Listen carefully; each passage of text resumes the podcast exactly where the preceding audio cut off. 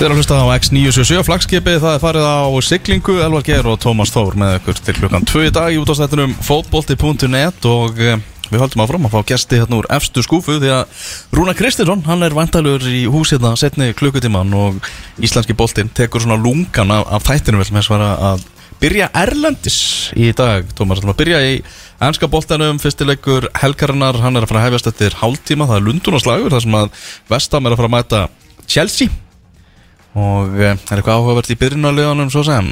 Þeir eru hann að Havert, Smúdrik, Sjá Felix uh, Nóni Matueke, hann er hann tvítuði strákurinn sem kom frá PSV Já, hann hérna Ég meit kann uh, húnum Nóni Matueke bestu þakkir fyrir uh, þetta nafn Nóni því að eins og margir strákar núna sem er að koma upp uh, hérna Tjökk og Mega og, og Tósin Adri Bæju og ég veit ekki hvað og hvað sko strákar svona með tengingar inn í Karabíahafið og eða Afríku að uh, þá heitir Nóni Matueke þessi ríkarlega spennandi strákur eins og segir sem kom frá PSV Vendavinn heitir uh, Tjökk von Onso Já, Tjökk von Onso Tristan eða svona eins og hann hefur verið fættur svona 2003 í Íslandi. Mm. Tjökk von Onso Tristan Madueke en hann ákveður að nota bara Nóni Madueke og kunnum við honum bestu þakkir Nóni. fyrir það við sem þurfum að lýsa fótboltaleikjum. Já, líka ánægð með það að kalla bara Enzo Enzo, að segja Enzo Fernandes.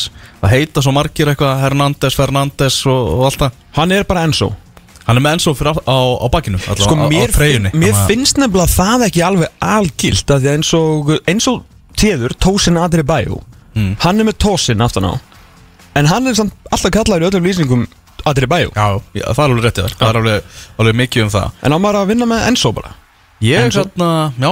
Hann geti líka verið svolítið að því að ég get ekki sagt Silva. Eða þú veist, ég á mjög erfitt með að segja Silva þegar Bernardo Silva er með boltan Já, Það er svona, en, hann er svona einn af þeim sem að maður fer eiginlega alltaf í fullnafn Já, við ákveðum að á .net að nota Enzo alltaf í fyrirsögnum því að það kemur bara eitthvað Fernandes ósáttur, þú veist þá getur verið að tala um 70 fótballtamenn bara viðsvegar að í efstu tildum Já. Mhm. en Enzo ósáttur, þá vita allir hvað, hvað við erum að tala um sko. Já, já, já, en þetta var þessi hérna klikkbeit regla ekki komin um daginn þegar var hérna fréttin uh, hvað var aftur? Já, ætla að kaupa hérna Arsenal ætla að kaupa leikmann United og Medfie Já, í kvennaboltanum sko já, já Þannig Það var það hjá okkur á .net. já, hjá ykkur sko. Já, já, en það er merkingin alltaf, Toyota merkingin. Það er þetta hárið Það er það til kvennaboltinn. Það er hárið Herðu, já, eins og segir uh, hérna, Sjá Felix að koma tilbaka eftir uh, hérna, eftir bannið sem að fekk gegn uh, fúlama á dögunum. Diego Silva búin að skrifa undir nýjan samning. Já, hann er, það er Hann fekk ekki sjö ára samt. Hann er bara bestur í, leik eftir leik hann hjá þeim sko. Ég, ég í En eiginlega bara, þú veist, hann er nánast á stalli bara svona einn og svo bara eru hinn starf fyrir aftan, sko. Þó, en hérna, mér líst vel á hann, Benoit Badi Síle. Hann var flottur líka með hann, sko. Fá svona gott fyrir Tíko Silva og fá svona ferska unga fætur og líka skrokkur á hann.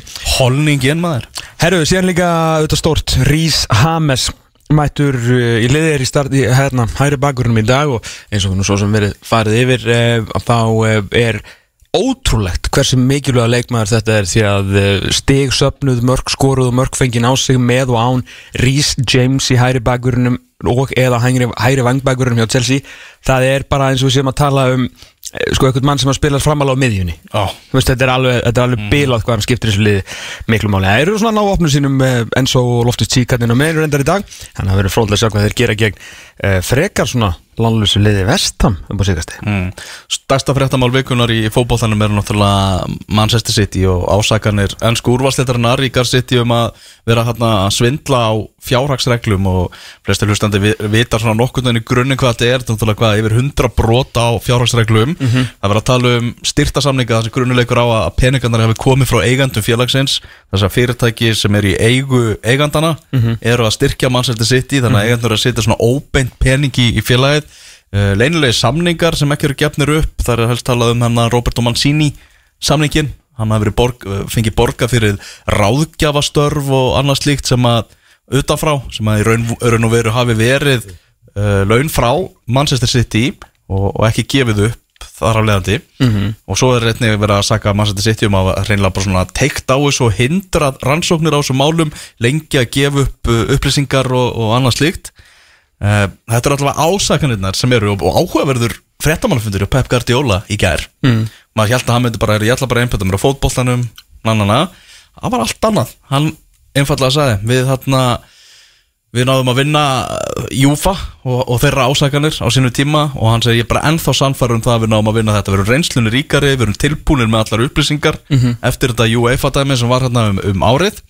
Og skaut á önnur félög. Og sagði einfallega nánast þetta væri svona nortnaveiðar hjá anstæðingum þeirra í ennsku úrvalstættinni Já, við hérna, skulum kannski halda því til haga að þeir unnu ekki málið gegn uh, UEFA, það, þar voru brotin þeirra fyrnd, þannig að það var ekki hægt að dæma í þeim. Já, þeir fengu ykkur sektir hérna og fengu ég svona bara einhverja málamynda sekt, sko, hvað var ekki, 10-12 miljonum punta, eitthvað algjört, uh, algjört grín. Ég held að sé alveg rétt hjá Pekard Jóla og þeir sem að hérna hafa talað fyrir hönd Manchester City að þó að þið sé kannski ekki nortna veðra hálfu félagana uh, er náttúrulega Premier League sem að stýrir þessu og það á að vera svona sjálfstæð eining en þetta segir sér sjálft að liðin svo Manchester United, Liverpool, Arsenal sem er að vera hver lengst lúta að hafa einhver eiru inn á borð því á Premier League og ég held að meira þorðagleðin sé meiri heldur en einhverju nortnaveðar ég held að það sé svona meiri, meira orði við þetta og líka bara svona fínt að slökka þess í þeim. Með bara að vinna titilin fjóru sinnum á síðustu fimm árum og ef þetta hefði ekki komið upp ég meina Pekka Radiola er svona hann, hann er svona einum til tveimur titlum frá því að breyta þessu bara í búndislíkuna sko. Já, þannig að ég held að sé svona meiri gleði, uh, skástrík einhvers konar uh, hvað áraði sér leita, bara svona að hlakkar auðvitað í þeim og þau eru líka bara fegnir Já, þeir vilja meina, þú veist, hann vil meina að þetta sé bara þrýstingur og nefndi sérstaklega Daniel Lífi hjá, hjá Tottenham. Aha. Hann nefndi hann á nafn, sko. Þið verður bara að spyrja hann og aðra forraðamenn og eitthvað. Ég nú skrítið að þannig leiðileg losnaði maður City og tótt hann að vinna það alltaf. Já, nákvæmlega. Þetta er, en, áhugavert líka sem að segja Það var að orðað með PSG og var að tala um það að PSG sé að fylgjast með gangi mála og ef Pep Guardiola stekku frá borði þá ætla þeir að grípa hann. En Pep Guardiola sagði að hann hefði aldrei verið jafn ákveðin í því að vera áfram stjóriliðsins eins og akkurat núna Já, akkurat núna, en hann er búinn að segja ef þeir verða einhvern tímann dæmdir fyrir eitthvað þá er hann farinn. Já, hann veist hann bara sagt að þú veist, það er bara- uh, hann, hefur sest, hann hefur sagt það áður að hann settist niður með þeim og bara hefur fullið sér með um hérna við um séum að gilda rétt. Og þeir síndu hann bara bækurnar, sögðu bara treyst okkur hér er allt uh, eins og það á að vera. Og hann bara ok, ef þið eru það að brjóta eitthvað reglur þá er ég fyrsti maðurinn í burtu. Þetta hefur hann sagt bara berum orðum á blagamannfundi Já. en uh, hann segist alveg sannfærður um sakleysi Já, já, og muni, það sem hann var að segja var náttúrulega í middeltíðinni er hann alveg harður á því að, svona, að gera sitt besta fyrir liðið sjálfsög mm. Þetta voru hann ekki samfærið um, um síðustu helgi sko. en þetta er þetta allt búið að vera skríti með og maður náttúrulega veit ekki neitt veist, ég þú veist, ég var með starffræði dæmi til þess að veist, slokka og vekjara klukkunum minni hérna þegar ég var í, í vaktafinu þú veist, ég setti svona medium en það var svona 67 plus 73 og ég er alltaf glad að vakna því ég gæti ekki rekna þetta. Þannig ég ætla ekki svona fara að láta mig dreymum fara að útskýra eitthvað fyrir ykkur eh, sko fjáraslu tölfræðin í þessu. Nei. en bara eins og maður hefur upplifað þetta. Eins og nú síðast fyrir tveimur, var ekki fyrir tveimur árum þegar þeir fengi allt í hennu einhverja 500 miljóna punta innspýtingu frá Etihad en samt var það ekki styrkur. Eitthvað svona, þú veist, það er allt búið að vera rosalega skrítið. Og mú bara hérna, hvað heit hann ekki, Kaldún sem er það hvað hann ekki stjórnarformaður að faramkvæmtastjóri félagsins mætti eitthvað uh, þú veist, mest fyrirfram spurninga, afgreita drottninga, viðtal sér nokkuð tíma séð á Sky Sports, sko, á vandraðalegt fyrir blaðmanni sem að tóka. Uh, en þú veist, ekki það er ekkert sama sem merki á milli eitthvað að vera loðið og eitthvað að vera ólulegt, nei. það þess vegna hefur maður, veit maður ekki neitt. Nei, nei, og Pep var að svona í að því líka að það ættu aðrir að hafa áhyggjur ef að það væri verið að skoða mannsætti sitt fyrir þetta að það væri, já, matkur í, í misunni víða sko. Já, ef hann veit ekki hvað er að gerast í sín eigin félagi þá hefur hann ekki hugmynd um hvað er að gerast í öðrum félagum þannig er hann bara að reyna að svona dusta smá uh, samt í augun á, á öðru fólki sko. Eru heyrum aðeins í, í Höttamakk Höttamakk var í bítinu á bylgjunni í ger Ginn. Þetta er bara eins og með, með livjapróf ef það er einn íþróttamaður sem er að er á livjum og hinn er ekki á þá ekki að gera í því? Jú, það hefur verið gert í því. Það hefur verið að reyna að finna það. Þetta er nákvæmlega sama hjá það sem að mannsætti sitt í verðist hafa verið að gera. Jú, jú, það þarf að, það þarf að fara fyrir domstól og allt þetta. En það er augljóst að það er óhreint mjölu pokahóttina þarna og þetta varðar bara heilindi fótboltans ekki bara á Englandi heldur út um allt. Já, en, en bara svona til þess að klára Já, þetta var Höttamakk í, í bítinu á, á bylgjunni í ger að tala um mannsættir City. Já, ég veit að svona, það er einmitt orðið sem að er verið að nota núna, það er svona financial doping svona, ég var að horfa á nýja fanfórumið hjá á Overlap hjá Gary Neville og, og Jamie Carragher konur í nýtt og, og flott stúdíu og voru hérna með stundismenn bara allra liða og þetta fór fyrsti hlutin í þetta seti dæmi og þar voru svona hinir stundismennir að benda á þetta og svona að reyna að skjóta á sitt í stundismannu fyrir að tala um þetta financial doping. Og hann vildi nú ekki tala um þetta væri jafn slæmt og að vera á livjum og þeir svona, jú, sko þetta snýst bara um eins og í hjólröðum, það eru allir sem eru geðveikir að hjóla. Já, þú veist, í Tour de France. Það er ekkert eitthvað ógeðslega mikið á milli það er bara svo og svo mikið sem þú getur hérna verið með miklar eða þú veist hérna heft mjölkusýru myndun það er bara svo og svo miklu vöðvar sem þú getur sapnað og menn allir eru þeir þetta eru gauðar sem er búin að hjóla frá að voru þryggjára sko þetta er alltaf bara í öllum atvinnu íþróttum á þessu hæsta leveli er þetta til þess að sletta veist, aðeins bara game of margins City núna búin að vinna fjóra til á sístu fimm árum og, og veist, eitthvað hvað þá pff, sex eða eitthvað á sístu áttæði maður ekki. Allan er búin að taka yfir þessa deild hvað hefur gerst svona þú veist á, á, þessum, á þessum tíma? Þeir eru að kaupa alveg endalusta leikmenn. Þú veist þeir eru með varamenn sem að kosta ykkur 50 miljónir punda. Þannig að þegar þeir hafa þurft að fara á okkur svona run samt verandi í Champions League samt verandi í myrna, þau eru nú deildabikarin einhver fjögur eða fimm ári í röð. Þannig að alltaf voru þeir að spila þá, þá leiki þú veist þeir lenda í, í túleikir semifinal leikir tíma í janúar þeir eru með úslita leiki í februar mars þeir eru að fara langt í byggar þeir eru að fara þokkala langt í Champions League. Þetta er ógeðslega margi leikir á þessum tíma eru kannski yfir svona marga leiki eru mörg lið sem að kannski tapa einhverju leikjum hér og það er í delta því að það er sem verið að setja fókusin hingað þanga, ég veit ekki hvað og hvað. Þeir náttúrulega hafa verið með svo svakalega mikla breytt í sínum hóp og alltaf verið með, þú veist, varamennir hafa alltaf verið sko heimsklassa leikmenn sem að uh, getur náttúrulega lappa í byrjunulegi hvað sem er.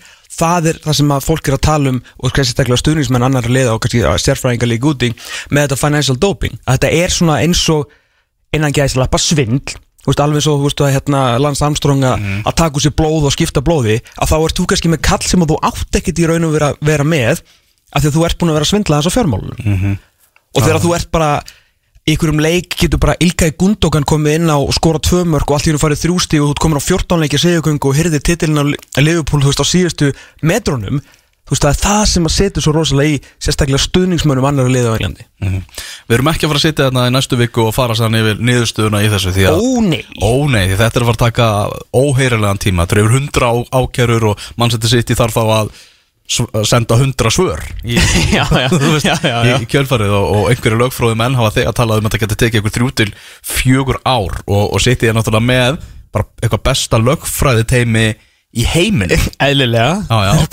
Væntalega undir, verið svona vel undirbúnir fyrir að myndi nú eitthvað gerast. Já, já, og, þeir, og þetta lögfræðatæmi er með þá reynslu að hafa náða að snúa við þessu tveggjára banni frá UEFA á, á, á sínu tíma. Algjörlega.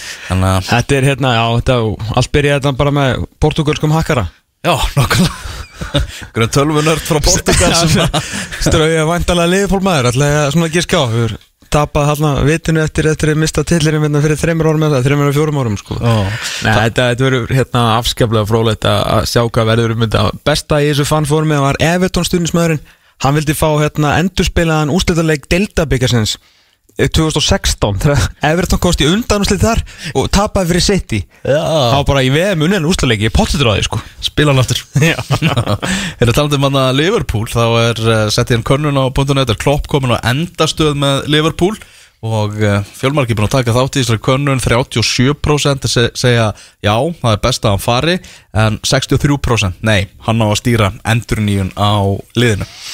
Og ég er í þessum hópi 60 og, og, og 30% sem að? Sem er af því að Kloppi klálega að fá tíma og tækifæri til endurnýja liðið. Jürgen Klopp er ekki á neitt endastuð með þetta lið. Nei. Það er bara að setja Og það er eiginlega engin Mér finnst engin endastuð Í gangi með Liverpool. Það eru bara rosalega miklir umróta tímar Mm.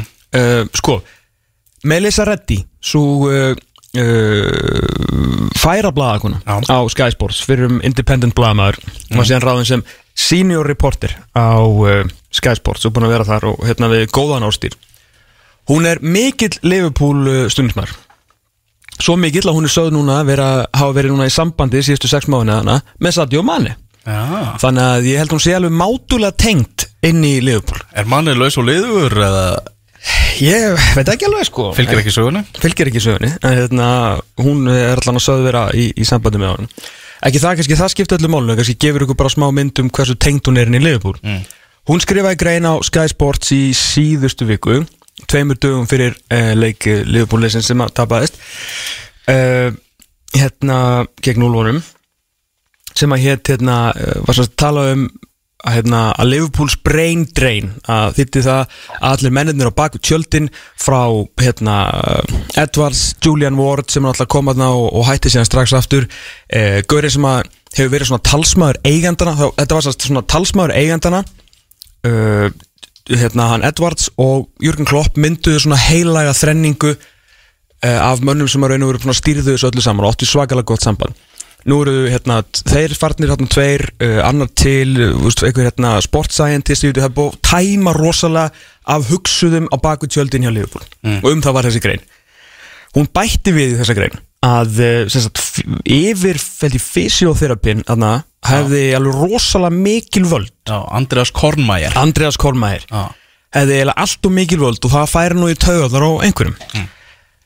Ég veit ekki alveg hvað misfórst í því þegar að Jürgen Kloppar að lesa, að lesa blöðin og, fá sér kaffi. annarkort að lesa blöðin eða sagt, ég ætla að giska að honum að verið sagt frá þessari grein. Já, og hann hefur áleitið, wow, hvað þetta er svona náið, þetta er svona in-depth, þetta er eitthvað svona eitthvað maður með tengingar. Og hvað hugsaður þá í dag? Jú, hinn svo kallaða blaðamennska atletik það sem er náttúrulega bara að skrifa er svona drottningagreinar fyrir, það sem er náttúrulega bara basically blogg fyrir félögin. Mm. og það er aldrei, nána að skrifa aldrei neitt svona neikvætt. Og ég er svona ekki alveg ég byrjaði mikil stundin sem er atletik en ég hef svona aðeins farið að vagnum.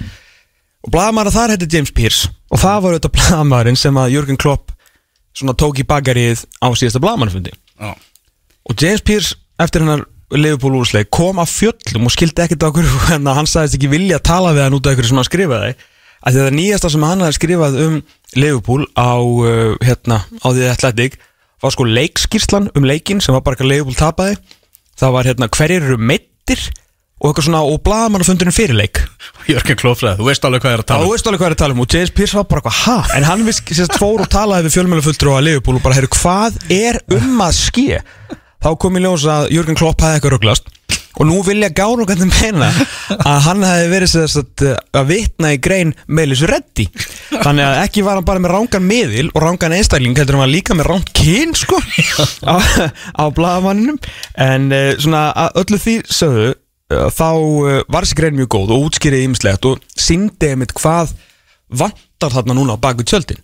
Þetta var ótrúlega lönglega til þess að útskýra af hverju ég held að Jürgen Klopp sé ekkit per se á endurstöð það er bara, og hún segir mér að geðvik setningi þessari grein sem að er sko hérna, þetta er ekki við heldu, þess að einhverju heldu þetta væri bara lið í hérna, þú veist, í svona kynnslóðskiptum eitthvað þannig í breytingum. Þetta er félag að ganga gegnum breytingar. Já. og það er svona eina af ástæðunum fyrir því að, að þú veist, Jürgen Klopp er alls ekki búinn. Þetta eru bara aðeins að finna réttu mennuna ná sér aftur saman, fara að kaupa ykkur leikmenn sérstaklega á miðuna og þú veist, Jürgen Klopp er topp 2 þjálfari í þessum heimi sko. Mm, Liverpool Everton mætast á mánudaginn alveg leikur, alveg leikur. Sérstaklega eftir að The Dice er komin áttur Já, með að leikja líka um helgina þau eru að fara að mætast aftur. Leeds og Manchester United sem gerðu 22 jafntefli á Old Trafford núna í vikunni. Casemiro lausir Manchester United menn lendu þarna tveimur mörgum undir en náða að jafna og, og ná í eitt stig. En Manchester United svona aðeins að klúra tækifærunum í að koma sér svona aðeins upp í kannski low-key titilbarátt á tvo miðvíkudagiröð Já, fyrst hérna skeitin inn hjá Elise, Ólisei uh, gegn Pallas. Og síðan uh, þessi leikur sko.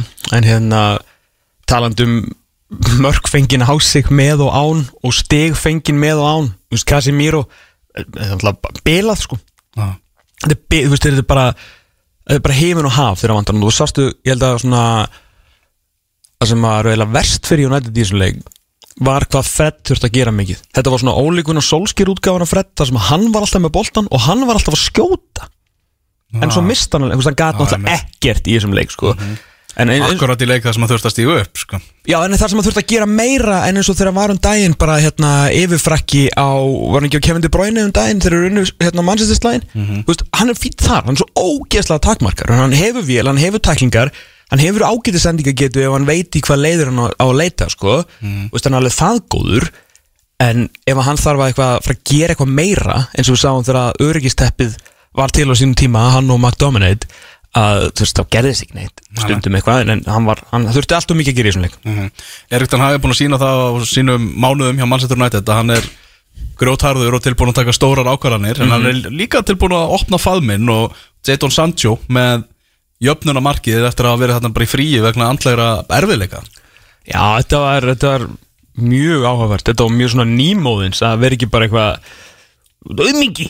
Já. eitthvað, þú veist, og hérna það er svolítið cool líka í þessu hvað hann hefur uh, með hvað, verið ekki betri í tungumálinu. Mhm. að þá veit hann alveg hvaðan hann er ekki endilega bestu, einskan að segja skánað. En það er erfitt að hugsa hlutina og segja það svo öðru tungumáli. Ég meina, maður stættir hérna, frægur síndali Jóns Gnarr í ykkur skóbúði New York í tvíhjöða í gamlanda þegar hann var að útskýra fyrir konu hann væri fyndasti maður á Íslandi. Já. og hún sagði, "Já, bara ég heyri það nú ekki. Og bara, já, nei, það er erfitt, sko, ég fyndin á Ísland sko, en svo þeir alltaf að þýða allt, sko. Já, Þannig að uh, þetta er svona svipa með Tanhag sko, en það sem hann má eiga er að hann, honum hefur tekist að gera þetta ekki neinu máli. Þú veist, þetta er ekkit eitthvað, verður ekki pyrraðar hérna á 70 miljónum punda maðurinn, þú veist, er ekki aldrei með? Hann bara, hann er bara þarna við erum að reyna að hugsa um hann, hann er, það er mikil fjárfyrsting í þessum strák og ég vil frekar gera þetta og fá hann aftur heldur hann að pína hann til að vera hérna og vera með einhverja stæla. Næsta mm. umræfni, þá kemur einhver enn hérna sannsjó, nei, nei, ég er búin að svara þessu. Hvað er næst? Og þetta, þetta gera hann vel sko. já. Hann, hann að það gerir, einf, einfaldan og örugan hátt. gerir hluti, hann leifir ekki hlutum að verða einhver issue. Já, það er áhugaverð helgi í anska boltanum ef við ekki gott að fyrir hann að skora líka strákin Já, mjög gott. Ef við ekki að vinda okkur í, til, heim Ef við ekki að fara í íslenskar fréttir. Já, við getum vantilega ekki flóið þessum viðbjöðið sem er núna. Hvað er málið með þetta viður samt í alvörinni? Herruðu, ég var að lesa það hvað og vísi ekki að er að, að geti mögulega verið að við séum að fara að sigla núna í fjögur að lagða viku. Já, þú veist að það eru bara sjö dagar í vikunni. Já, Það þýðir að það eru fleiri dagar en ferri með lægð það er verið að fresta alls konar fótbollaleikjum og vestramenn er að æfa hérna í, í stormi og bil og, Jó, Njarðvík. En þetta verðist bara herða vestramenn eða hvað? Herðu, heldur betur. Já, þessar æfingar þeirra í, í undir stjórn Davísmára í einhverjum Herðu, snjósköplum bab, bab, bab, það eru tíðindi. Það eru tíðindi. Það er lengjuböggarinn Uh, ja, Það er náttúrulega sjálfsögðu morgunleikur í fristikistinu upp á Skaga. Uh, Það væri náttúrulega ekki laugadagur í lengjubyggarnum á þess að væri fristikistileikur á, á Skaganum þar sem að lengjudeldaliðin Íþróttabandalagarnes og uh, vestri hófuleiklugan 11 Skagamenn gátu minna en raskat í bala í fyrirháleik og þá sérstaklega varnarlega þar sem að vestramenn voru 3-0 yfir. Hmm. uh, Bennett Warren með uh, tvö mörg og Vladimir Tufikidits Tufa með uh, eitt mark. Og varnarleikur og tilraun skagamanna til Markusliði sem fyrirháleik var til hábornar skammar en núna var ég að kveikja aftur á streminu á IA TV IA 2 vestri 3 Ó, alvöru leikur. Það er comeback í, í vendum og enn eitt árið ætla ég að senda gríðalegt rós á uh, bandalægið á skaganum fyrir uh, IA TV og vera með þessar frábæru útsendingar sínar frá Lingibyggan Já, með tvo lýsandi Sverri Mar okkar maður hann í góðu félagskap Andri Júla, Kóa. Andri Júla Kóa. Já. Þetta er alvöru En líka sko af því að ég hérna tjekkaði í morgun að stöðu sport verið því miður ekki með lengjuböggamörkin í, í ár þannig að þú veist það er ekki allir leiki teknir upp og þeir ætla að sína samt auðvitað áfram leiki milli liða í, í efstu deild. Uh, Það er nefnilega skortnum skemmti að svona erfitt að sjá mörkin úr þessu sko nema félagin séu duglega að klippa þetta Það eru flestir að, hérna, flestir allan að nokkuliðir að senda leikina sín út á spítióvilunum uh, Það kostar alltaf einhverja svona þrjár, fjórar, fimm eurur sem er svo sem gjöfin ekki gjald, ég er ekki að segja það en ég held að sé svona færri sem einhvern veginn taka stökkið, þú veist eins og eins og í morgun þá langaði mig að sjá mörkin úr hérna, F og Selfoss, en ég var kannski alveg að fara að henda 5 eurum í það. Mhm. að, hérna, til, bara til þess að sjá mörkin Já, það væri mjög gaman ef að, ef að félagin væri duglegur sum, duglegur við það að henda mörkunum á Twitter Já, það, það er náttúrulega algjör snill sko. En ég held, ég bara held, ég er ekki viss Að það sé ekki hægt að senda út á spyti og annars að rukka Nei, það er rétt hjá þér. Er það ekki Ég- rétt? Ég hef heyrt það Já, já en þetta er ekki félagin í ykkur gróðskinu Og auðvitað er þetta engin peningu fyrir þetta verð Ve Nei, vegna, vegna þess að kerfið og Já. þeir sem eru með þetta þeir þurfa að taka x mikið þegar þetta er sendt út einmitt, í einmitt. Þannig að eins og segja, bara, bara svona er erfiðar að sjá mörki núna ef maður, ef maður fer ekki á, á völlin En aftur, IA TV, þeir gera þetta bara alveg sjálfur Og þessar útsendingar úr vagningshöllinni er algjör snilt Herðu, hlustandi, að senda, senda bref Já. HK1 Grindavík 0 Já, það var leikur sem hóst 11.30 Já, það er hálfleikur þar. Uh, Atli Arnason úr Vítaspilnu á 30. mínútu og HK yfir í, í þeimleik í hálfleik. Já, bara tvei leikir í kallaboltanum í dag. Fjórir í lengjudeld uh, Lengju byggar fyrir ekki Aðdeld uh, Kvenna Svalur og Selfoss segast við klukkan uh, tvö Það getur nú alltaf farið fram. Það Það, voru leikir í gær. Og fyrir dag Gerur ger og fyrir þetta, hvað fjölnir vann hérna fjögur eitt sigur á móti þrótturum í uh, lengju deildar slag. Nú uh, Kjartan Henry, hann er komin blað, á blað hjá FA fjögur tvö sigur á móti Selfossi. Kom inn að bekknum, Úlfur Ágúst í byrjunleginu Já, nákvæmlega. Og skoraði úr vítaspinnu en hinn 42 ára gamli Stefán Lógi Magnússon stóð á melli stangana hjá Sel- Selfossi og hann varði víti frá Kjartan Henry einni í leiknum. Fekk fekk hann tvær, eða tók hann tvö viti Já. þú veist, vel gert síðan Stefán. fengu FH einhver aðra vítaspinnu og þá klikkaði Kjartan ekki og skoraði sitt fyrsta mark fyrir FH Gary Martin klóraði bakkan fyrir Selfoss en nær komust þeir ekki uh, Stefán Lógi geti verið léttilega pappi fyrir margra leikmann þarna því að átta af 11 leikmannum uh, Selfoss í gerð voru fættir eftir uh, ekki 2000, það er ekki merkilegt lengur að segja 2000 sko, þú getur við bara 23 ára árunu uh, átta af 11 leikmannum Selfoss í þessum leik voru fættir eftir 2002 á, Þannig að unglið þar. Dani Hadaka í hægri bakverði Eftir að hafa hella mikið grindaði ykkur dögunum í, í miðverði Þeir eru verulega spenntir Þar, Elvar Geir. Já, Fyrir, fyrir finnunum fljúandi Eða sérst fyrir honum bara sem leikmanni. Hverju eru hafsendar? Óli Guðmunds og Ekkert voru hafsendur í gær. Halli Einar uh, vistri bakverður Sem áttu nú sinna bestu framistu með F uh, um daginn. Daví Snær, Björn Daniel og Baldur Lógi á miðunni Og Vúk, Úlfur og, og Lennon frammi. Já, en Hattaka líta vel út á æfingum. Eh, Það áttu, áttu vist flottaleik hérna á móti grinda ykkur daginn og með uh, svona krakka með sér í, í já, svona yngri menn með sér í, í vördunni og uh, þeir eru mjög ánægðir með að hérna fundið svona hvað var að segja, svolítið vókal miður, það var svona gæði sem að tekur svolítið ábyrð og er að stjórna það og verður, sko, Daniel Daka var mjög góður á síðustu liti, náttúrulega eina af ástæðinu fyrir því að þetta kepla ykkur lið hérna náðu nú sjövunda sætinu. En ég held að vera svona ennþá meiri ég sé alveg fyrir mér ennþá meiri umföllun og svona meiri, svona meira kastljós og hann að vera komin í, í varabúning kepla ykkur, þessast aðalbúning uh, þar sem að hann alltaf, þetta er alltaf maðurinn sem FA búið að býða eftir, það búið að auðlýsa jafn mikið eftir miðveri hjá FA eins og það búið að auðlýsa eftir miðjumanni hjá Liverpool Einmitt. Þannig að, eh, en ég held að þeir hafa gert ansi vel í þessum, þeir eru enda bara búin að gera maður pælir í, bara drullu vel í þessum glugga, sko. Já, og það sem ég hef séð af, af F-fáingum þá eru ungu mennir þar á meðan Vúk, minn maður og svona þeir eru að stígu upp og, og ef þeir haldast heilir og taka aukna ábyrð í liðinu þá, þá held ég að F-fá getur gett bara þokkalega hluti. Já, ég meina þú veist, þeir eru með þetta leysi ég var að tellja upp í, í gær uh, í þessum fjögur tvö sigri þetta á ungu lengjöndu leysi og sérðu bekkin, þú veist, Jóhann Ægir sem var að koma inn í þetta í gær, Lógi Rapp sem að ég held að hún myndi nú vera startir þarna uh, Kjartan Henry með sína reynslu, Finnur Orri með sína reynslu, þannig að það er aðeins meiri breytt líka já. mm -hmm. Eru svo í miðgarði í Garðabæm eftir stjarnan og afturölding og Það hljómar alltaf eins og sé að keppa í Vestlunarmistu það er hljóma svolítið þannig og nú eru þróttar búin að skýra hann að gamla valbjörnavöllin þrótt heima það var eins og þessi er að keppa í, í? Já, það er svolítið þannig Ertu að meina að því að félagsmiðstöðin fyrir þrótt þar hverfið heitir þróttheimar? Já, aðalega vegna þess. Aðeins að ræna á nafninu. Og eru þeir ekki að spila í þróttheimum í sumar eða? Jú, hlutasumarsins Hluta sumarsins. Það það er verið að fara að skipta um gerfigræs á aðalvelli þróttar og þá verða þeir vist með eitthvað svona kávaf aðstöðu held ég við gerfigræsi á sér. Já, ok, eins, og- eins og kávaf var, var í fyrra. Ok.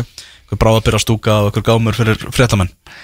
Uh, Já, stjarnan vann fjögur eitt sigur á móti afturheldingu. Vantaði marga í stjörnuliði margir sem eru meittir að tæ, tæpir en Hilmar Átni Halldórsson sem að sleitt crossband á undirbúrstímafélunni fyrra kom inn á síðasta korterið, kom inn á sem varamæður og spilaði sinn fyrsta leik eftir að sleitt crossband Það er ekkert annað? Það er ekkert annað, þannig að það eru stóra fréttir. Uh, Ungu strákur, 2004 mótil held ég, Robert Kolbens Þórarensson sem var þarna í hægri bakverðunum, skoraði tvívegis fyrir stjórnuna og Jóhann Úleitt, hann skoraði úr víti og beint úr aukarspilnu og marka afturhaldingar skoraði Arnór Gauti Ragnarsson sem er nýkomin aftur í Mórsfjölsbæn Það er nóga fréttamólum úr, úr leiknum í miðkerði Já, algjörlega, því að hérna, hrikalega mikil blanda af reynslu og hérna, nýju, svona nýju kynsluðinni á stjórnunni í þessu leik með, þú veist, Danna Lagsarn inni Sindra, sem alltaf 98 mótil síðan átna sem var að leysa Halla við markinu og Gumma Kristján sem auðvitað var að koma frá FH og svo var þessar ungu strákar sem við fengum nú aðeins að sjá þau voru blóðgæðar í, í fyrra en, uh, Þorkild Mána Pétursson, uh, Robert Frosti og, og nafnans Robert uh, Kolbens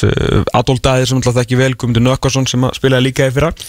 Þannig að þetta er áfram svona og mikið ungu strákum sömulegis á bekknum með Hilmar aðna Þannig að þeir verða, þetta er svona liðið aðeins til þess að sjá núna fylgjast með undirbúinustímbilinu svona aðeins að aðtöða hvernig þeir mótast. Já, það er alveg algjörlega þannig. Og Herðu, en það eru braggandi tíðinni, tíðindi úr fristikistunni uh, fyrirgjöf frá hæri á 71. mínútu. Upprís besti leikmaður uh, prísínsons held ég 16 tímabili röð. Viktor Jónsson og gallaði boltinni netið. Endur koman nánast fullkomin, 3-3 í ska skanum Það er mikið eftir sér það er 20 minnur eftir, þeir vinna leik léttilega sko. Það er nóg eftir. Heru, Það var æfingaleikur síðan í, í gær þar sem að breyðablík og leiknir sem er eftir að mætast í lengjubíkarnum leiku æfingarleik í ljósi þess að uh, kórdrengir mætti ekki til leiks á móti, móti blíkum og bara óvist með þáttöku þeirra. Og IPVF kemst ekki til landsins sem átt að mæta leiknu um helgina. Þannig að, breyðarbleik og leiknir leiku bara æfingarleik í gerkvöldi og ég fór nú á þennan leik og það var, jú viss, æfingarleika bragur yfir leiknum eins og sést kannski á úslitunum breyðarbleik 7 leiknir 3 endu leikar. Það er svona semi-fýrblægangur sko. Já, Ómar Sóe skoraði þarna tvíveis á móti sínu gamla félagi. Ok. Uh, Sóknarmæður sem var í, var í blikum í, í fyrra. En uh, maður leiksins var Stefán Ingi með fernu fjögur mörg frá honum í, í leiknum í gerð Já, ég hérna Þú getur bara að spila það sem ég sagði síðast að þetta Já, þið getur lesið það á, á .net og að skrifa, skrifa upp. Bestis, Besta nýja blika í dag er Stefán Ingi Sigurðarsson sagði þú sí, um síðustu helgi? Það er bara þannig, það er ekki breyka hann spili fyrir annan lið held ég heldur en uh, breyða blik Já, hann er allavega, vantar ekki sjálfströstið í þennan hávaksna sóknamann Hann hefur bara alltaf skorað. Það er bara þannig sko. Þannig að uh, fer ekki Pétur, maður er eitthvað hert svona smá smávægilan orðrum um að, um að Pétur fari bara aftur heim í gróttu? Já, eftir hérna, þessa, þessa miklu ofni hans að, hérna, meiða svona illa. Og komast aldrei í takt við þetta hjá blikunum. Og svo verður uh, markakongur færi að hérna, færa að uh, spila byggarleikina og svona þegar Stefán ekki þreytur það er alltaf ekki amalugur kostur að hafa nei, já, þú veist, hvað veitum við um það? Já, hvað veitum við það, það kemur í ljós. Herðu, uh, talandi um breyðablík það var uh, greint frá því í gær að Oliver Stefánsson hefði gert samkominlega við blika um, um að ganga í raðir félagsins. Það voru margir á, á eftir honum uh, þar á meðal tínum enn í, í Viking Mm Og Valur.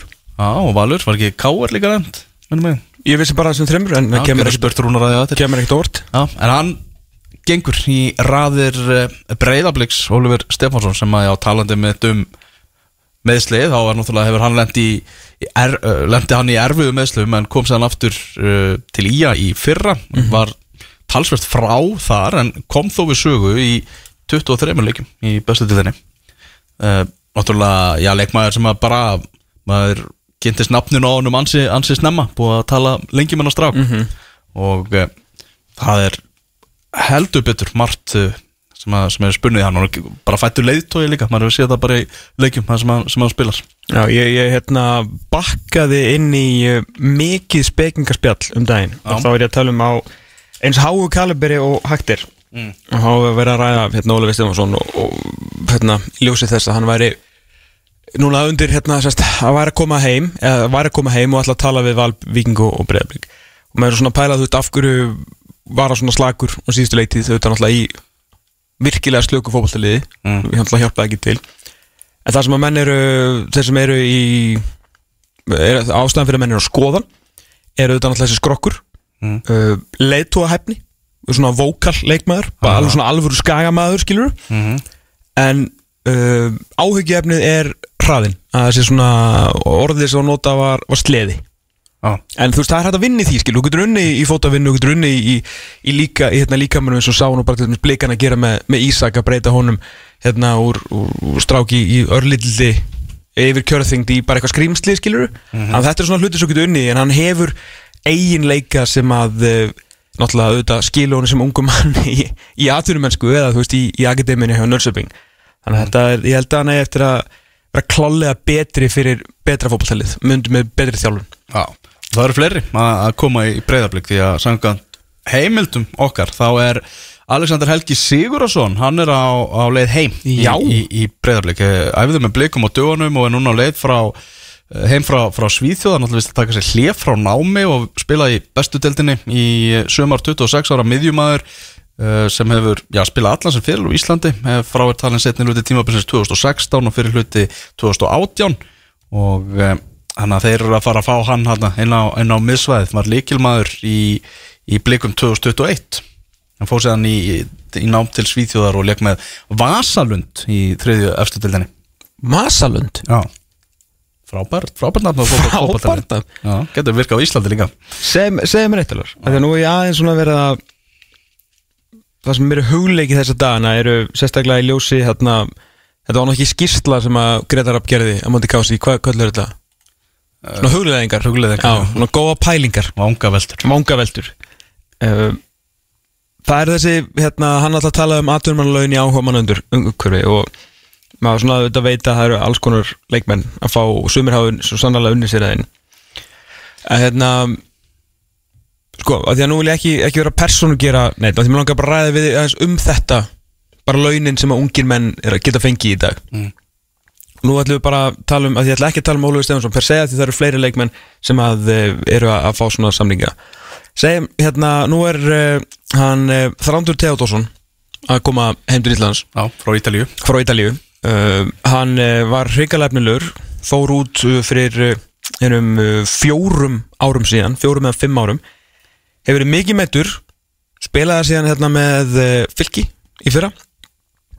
Og var ekki góður, var svona ekki komin í stand en uh, pappas Theodor Bjarnason uh, hann var nú fyrir lastismæður og, svona, svona hann er með fótballtagen í sér sko. Mm.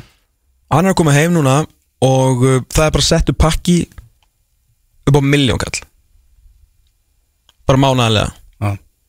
Bara með bíl og íbúð bara pakkin sko. laun. Já, þetta er, er rosalegt sko. Já. ég meina og Guð blessi félagin og, veistu, hann, skilju hann þránd og bara alla þessar strákar sem er að fá þessi laun sko en hvar erum við ekki að fara að rekast okkur vegg? Það er góð spurning sko. Og einhvern veginn allir er að sækjast eftir þessum leikmunum Núna. Já, Já, er, þetta, er, þetta er áhugavert. Já þetta er það. Við bara- hljótum að rekast á vegg. Það getur ekki annað verið sko. En félagin er klár- greinilega klári í þetta núna. Ja, ekki spurning meina, þú veist, þetta er þeirra penningar að eða og þau eru að ná, hérna, ná okkur um ná okkur árangri en við erum bara einhvern veginn komin í það umhverfi að þú þarft rosalega litla ferilskrá að hafa svo fremið sem að þú hafi verið eh, minnstakosti ellendis og sért ungur og líka ungur skiptir rosalega miklu máli dag að það ekki sé hátt á þér Mhm. en það er aldrei eitthvað svona byrjunapakki þú getur bara og þetta á ekki við um alla sko það, mm. það er alveg gomma strákum að koma heima að fá bara mjög bara eðlilega samninga sko mm.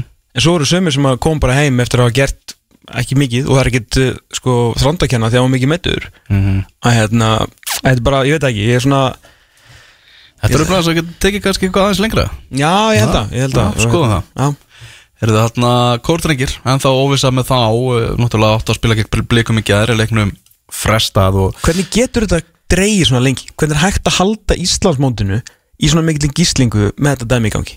Ég er sammálaður þar. Bara er þetta ekki umhugsunar efni Bara fyrir íslenskan fótbolta? Hvað er verið að draga lappirnar Og hvað þetta er Þetta er bara sjoppulegt. Það er að stýttast í mót Og við vitum ekkert um eitt fótboltalið Það er ekki með þjálfara Það er ekki með fullan leikmannahóp Eða neitt. Nei, þú veist, og það er bara náttúrulega leiðilegt hvað er að gerast með kórdrengi per se. En veist, þeir náttúrulega eru bara meðan að það er ekkert verið ít á eftir þeim eitthvað me- meira heldur en er þá taka þessi bara sinn tíma er að taka eitthvað ákvörun allt í góð, ég, ég er að varpa þessu En bara veist hér fyrir aftan okkur á KSI Er KSI alvörun ekki með meiri völd en þetta? Að eina sem þeir geta gert er bara býða og, og, og, og vona. Já, þeir sko, og ægir og ægir og káaf veit ekki hvort er að fara upp, hvort er draga sig úr keppni eða reknur úr keppni. Og heldur þú að ægir til dæmis ef að þeir myndu vita að þeir var að fara upp heldur þeir var ekki veist, búnir að minnst okkur gera munlegt samkomulag við einhverja leikmenn? Jú. Hvað heldur þessi margi leikmenn búin að renna Bata Borga svo greipum núna menn hann veit ekki hvort hann sé fara að spila í annari dildi eða Einmitt. Að Svona kjánaleg stað að geti bara komið upp Bara án þess að KSI aðhafist neitt er fáránlegt. Og þetta er eflust bara í regluverkinu en þetta er þá eitthvað sem verður einu svona er allt fyrst, við höfum ekki séð þetta áður. Að lið sem er bara í toppar áttu eitt árið og er bara með sex bestu liðunum í lengjudel tvö ári röð sko og sé hérna kortir í mót, ekki með leik, sko, mannskap þjálfara völl en Mhm. en skulum ekki láta að gerast aftur Nei. Ekki að passa, eina sem við skulum passa hérna, ok, við tökum þetta á kassan skilur veist, semi one, sko, hérna, follow you en bara semi twice, follow me.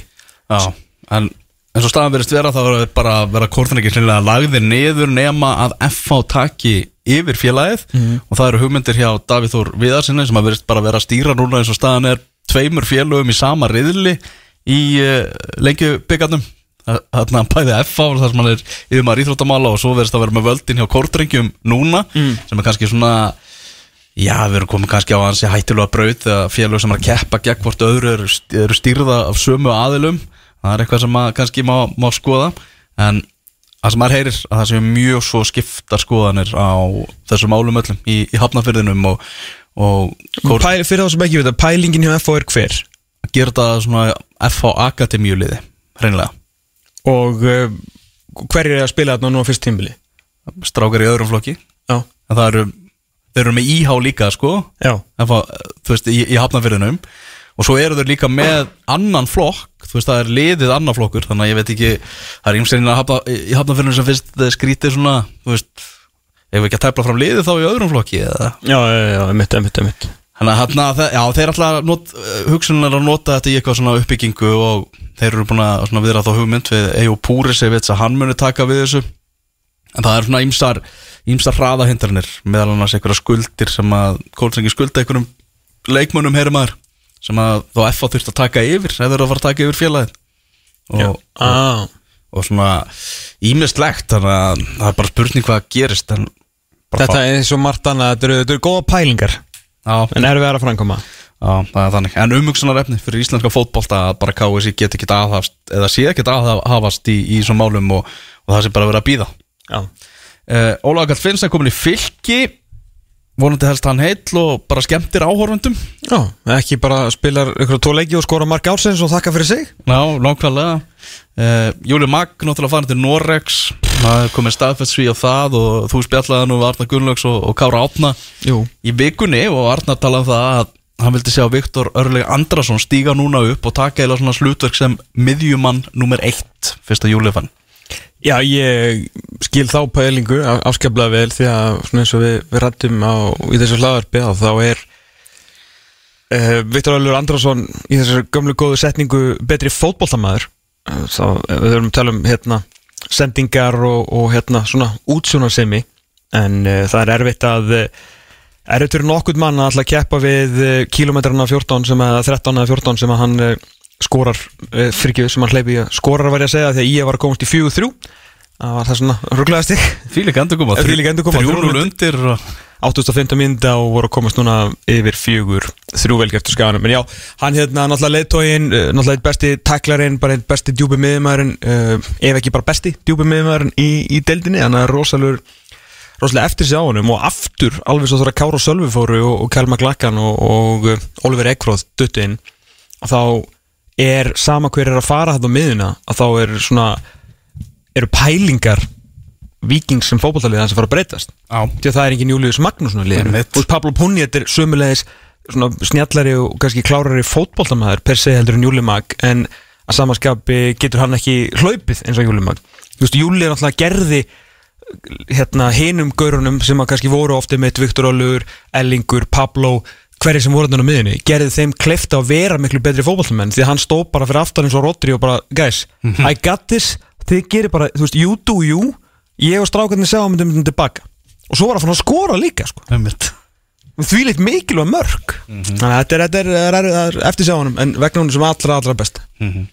Förum við í reysafréttur úr lengju deildinni núna í vikunni. Njarðvíkingar, nýliðar Njarðvíkur sem að eh, fóru heldur betur upp með látum á, á síðasta tímabilið þeir voru að tryggja sér leikmann sem heitir Lukman Hakim og er Malasíumadur, mun spila með Njarðvík í sumar á, á langsamningi og þetta er áhugaverður gaur, er aðeins tvítugur og, og var á lista hjá The Guardian yfir 60 efnilegustu fótboltamann heims árið 2019 og það voru svakalinn öfna á, á þeim lista. En hann er komin til Njarðvíkur og yfirmaður fótboltamála hjá Njarðvík, Rapp Markus Vilbergsson. Rappi er á línunni. Hvað er að frétta af Lukman Hakim, bara, það er gott bara. Það er hérna, eftir, þetta voru sérstakki dagar síðasta, síðasta vikan eftir að við tilgjötum hann, en, en hérna, og það er eiginlega bara allt orðið villust á okkur samskiptamilum, það er bara hannig. Þið eru bara eitt vinsasta liðið í Malasíu núna þetta er að Malasíu menn eru bara svolítið að- að sprengja ykkar samfélagsmiðla Já, það er, það er bara, það er ekki líð, það er bara hérna okkar, hvort sem að Instagram eða, eða hérna Facebook eða Twitter, Twittergram, já, vinsalt, við vinsalt úti, það er hérna, þá er allt greinlega bara á flugi, með að myndbandi er við erum að segja tvö myndbandi núna á einni viku í heimslu hann. Já, og það er komið yfir 1,5 miljón sem að horfa á þessi vídeo. Þetta er rosalegt sko. En það er ekki að monetæsa þetta bara um leiðrabi og, þú veist, prenta, þú veist, 500 treyjur og senda það út með eitthvað, þú veist, og, minna, ertu ekki, þú getur bara fengið, basically, tvöfalt tilbaka þess að þú er búin að setja í hann, bara áður en að móti byrjar. Eh, Það er hérna, við vorum bara núna, erum að klára fund bara í húsi, að hérna, við vorum saman hérna bara nokkri úr, úr kringu félagi pluss tveir markars sérfræðingar með okkur. Já. og hérna, þetta er alltaf nýr veruleiki. Og, eða íslensk stjél og heldur bara í heilsinni að fá svona svakalega viðböð og eitthvað markaði sem alltaf langt í burtu. Og hvernig við getum hérna unni með þetta fyrir til þess að bara prestera félag okkar líka það er bara að sína hvað erum að gera og annað. Það er hérna og þá eins og þá erum við bara svona að reyna að leggja eitthvað línur hvað getur gert og hvernig getur gert það? Og hvernig er svona hættum að hérna, nýta hana mikið með, meðbyrði því að meðbyrði kemur ekki bara getum að utan, lega kemur svona stökk og utan og risastökk að þá kemur líka áhuga félaginu á innanlands, við sjáum það bara líka miðlunum, það er að fjölga followum og likeum og annað hérna líka frá íslenskum markaði. Hérna þannig að þetta er svona eitthvað allt, allt annað heldur en við kannski vorum bara í fyrir viku síðan sko, þetta er alveg svo vel. Hvað, hérna, hvernig fundu hann, þú veist, hvað er hann uh, og af hverju er hann á Íslandi? er eins og Arna kom ákveð inn á í vittalið einhverjum daginn að hérna að þá var þetta eiginlega þannig að dattinn og umbóðsmann sem að bett á þennan strák að var meira strák sér. Og hérna og hann röðlega það enda með þannig að kemur upp hugmynd að fá hann að stráka láni til okkar eins og því nefndi á að var að lista yfir hérna eftirstu leikminni í heimi og, það, og sko listan þá er alveg risamögn á lista. Uh, gera okkur einn fyrir því að koma til Íslands uh, af svona lista þá eitthvað kannski ekki alveg svátt að fara mm en hann er hérna, þetta er ungur strákur. Hann er hérna, þetta er 2002 hann er, og er hellingi að spunni, hann er eldsnökkur og, og hérna góður ekki að boltana það er svo kannski einhvað hans leik sem þarf að fínbúsa, vonandi að hann tækja þetta í okkur að þroskast og vera öflugri og styrkjast bara með í, alvöru kartmannstild þannig að hérna, ég held að það geta einhvern sem að þeir út er að hugsa þessum eigan út í, í Belgíu að hérna, það er hugsunum þannig að hérna en það kom bara til eitthvað svona og þetta bótt er alveg bara í ferli eh, síðan í nógumverði að hérna svona milli félagana og og eigandi það nefnst að bakvið sem alltaf er frægur maður, Vincent Tan þannig að hérna og, og, og einhverju svona þótt að ekki bein samskipti við hann þá er hann verið að sam, samfinna hérna, samþykja skiptin og annað. Hann er verið að einhverju puttan í því. Vincent Tan sem er náttúrulega já, eigandi Cardiff komið látum inn í þegar hann eignaðist það, það félag og ætla að breyta öllu, taka hann á fugglin og logoðun og sitja að drega held ég Gerði hann ekki alls saman, skiptum lit og allt? Já, hann skiptur Það um er lit. lit og allt, jú, jú. Já, já, en fugglin held sér þetta. Hann hér sér? Já, það er alltaf að hend- hendur sér eitthvað Cardiff City Tigers eða Já, eitthvað. já, af því að hann alltaf bjóri í Malaysi Nei, þarna sem hann er, í Thailandin, tækjabjörn hann, hann, hann fór halva leið með það en Fór það er hálfa ekki enda leið en allavega, þú veist, á þessu maður á, á þetta og þeir hafa, hafa verið í miklu samskiptum og, og hann er verið að prestuður hann þegar hann er svo að skipta til Belgíu þá var hann bara að maður að blaðanáttunum þess að Já, einn tíma, hann, hann kom þetta ekki til okkar að blaðanáttunum en, en heldur ekki fundrendar en hérna, þessi klikkum var því. En hann náttúrulega á hérna eh, hann náttúrulega hættist eignir á Íslandi þess að tann hann á hérna náttúrulega Ísland Derfótulun já, nákvæmlega. Mikill viðskiptamaður, hérna, risa stór viðskiptamaður í Malasíu. Já, þannig að hérna, það er eitthvað hérna, þannig að það er eitthvað tengingu í Ísland líka sem að kemur ofan að það en mest fyrst og síðast fyrir okkur er þannig að hvað, hvað leikmæri getur í fótbolta það er náttúrulega skiptir miklu mála að geti nýst okkur á vellinum og það er eitthvað sem að eftir mjög flottu strákur gerð, bara gerð góð strákur og, og hérna og fyrst náttúrulega eftir að koma þessa viku hérna heima en það er búið að vera alltaf stilur og, og í dag er bara egning og, og geðu þannig að er hérna Ertu, ertu búin að standa bara í dyrunum út í leifstuð bara að passa hann fari ekki heim það er að þið eru alltaf óþægilega nála leifstuð sko. Já, það er rétt. Það virkar bara strækjur á þetta. Hann hérna fór alltaf í bæinn í gær og horfði á leikin og ekki að það komið leikinn. Þannig að hérna, en, hérna og hann er bara, hann bara fyrir þessu og, og er hérna bara á æfingu núna, að, hérna á liftingæfingu og þannig að hérna áður að hann að borða eftir. Þannig að hann er bara í, bara sáttur þetta. En fyrst og síðast á okkur náttúrulega er þetta bara að reysa tækifæri á og líka fyrir utan fótboltan að, að fyrir félagi að svona vaksa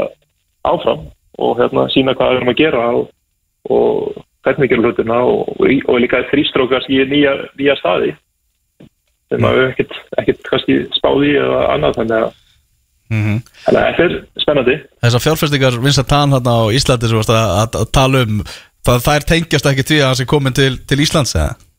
Nei, nei, það gerir það ekki. Nei. Þannig að það er ekki, þetta er þannig bara svona hittingur, en það getur satt verið einhver tengingu því að hann er tengjað í Íslands. Það er alltaf mögulega, en, en það er allavega ekki, ekki beina tenginga, nei. Nei, nákvæmlega Þarna, uh, bara eru þið farið að sjá á, á æfingum hvað hæfileikar búa í þessum leikmanni Það er konar, hann er búin nokkra æfingar og, og síðast, eða síðast æfingi sem að var inn í höll hjá okkur, að hún var svona kannski síndið mest sem að gert það, það getur gert það, er- hann er elsnökkur og annað, þannig að það er svona síndið mest, en svo það bara komið ljós hvað hann kemur út í hérna með liðinni heilsinni og hann er svona kannski eh, næra að tengja villiska bolta og hvað það fer að fara að spila í spila kannski við alls konar aðstöður þannig að hérna, við kannski hefnum það sumar það komum upp með deild, það er kannski betri vellir og annað, það er líklega hefnum það betur. Þannig að, Er þetta ekki bara pjúra strækir eða hvað, þú veist, það hann ekki bara að skora markið fyrir ykkur? já, þetta er rúlega er hugsaði sem rúlega kantaleg, sko. Jó, það kann, ok. Já, þannig að hérna, þannig að, jú, vonandi skora mörg líka og leggur um mörg og, og, og brýtur um leiki og, og hérna þannig að það verður bara gaman að sjá það. Og fyrir þetta náttúrulega, og líka fleiri okkar lið. Menn að við erum að segja það saman mjög spennandi lið. Ég held að geti orðið gaman hún er lið sumar. Og við áttum bara sem dæmi flotta leik í gær móti vikingum sem voru mjög vel manna en okkur vantar voru með þessi spilu, gerði bara mjög vel en það vantar líka hellingi sem að mögulega geta sterkta leikið með sumar hjá okkur. Er ég, ég fyrir eftir af svona Jesper Tollefsen uppstillingu hjá mínu manni Arnari Hals 4-6-0 bara. Ég, það varstu kannski að vísa bara til hérna fyrstu, fyrstu tíminu en hérna en það var alls konar, við spilum við erum fjóri fyrir tvo mest alveg ekki en hérna við áttum bara helviti fátt að kalla hennar milli. Já. og heldum vel í bolta og, og, og náum pressa á tíkna alveg upp á, upp á hérna. Bara alveg efst og, og hérna og döttur líka niður, vel niður og eins og Ingo Jóns sagði þetta í leikin hann er ekki lett í áður að það vera með bolta bara og hérna engi pressaði hann alltaf hann á lóka þannig að það ekki hvað það gera boltan Já, en sem þegar það er víkur hann bara að snúa sér við og setja markan Já, það er eitthvað smá grænt stolt í honum sko. Já, það, það, er- það er nóg að því. Herru, hvað ætlaði- líka- Hvað ætlaði ætlaði að gera í sumarafi? Ég meina, þau eru konum búin að, hérna, hérna, konum með súperi þjálfara, náttúrulega hrikalega metnaðan fullan þjálfara sem er gert fína hluti nú þegar á sínum ferli, búin að Super stjörnu súperstjörnu uh, búin að fá til ykkur nokkur leikmenn svona eru allan í plús á, á komni farnilistanum hvað, eru konum með ykkur drauma, ykkur markmið núna, er það gamla góða að halda sæti sínu eða á að hugsa lengra? Er þetta fymta sæti, bónussæti þarna? Nei, sko, það er alveg hreinu Við- Playoffs?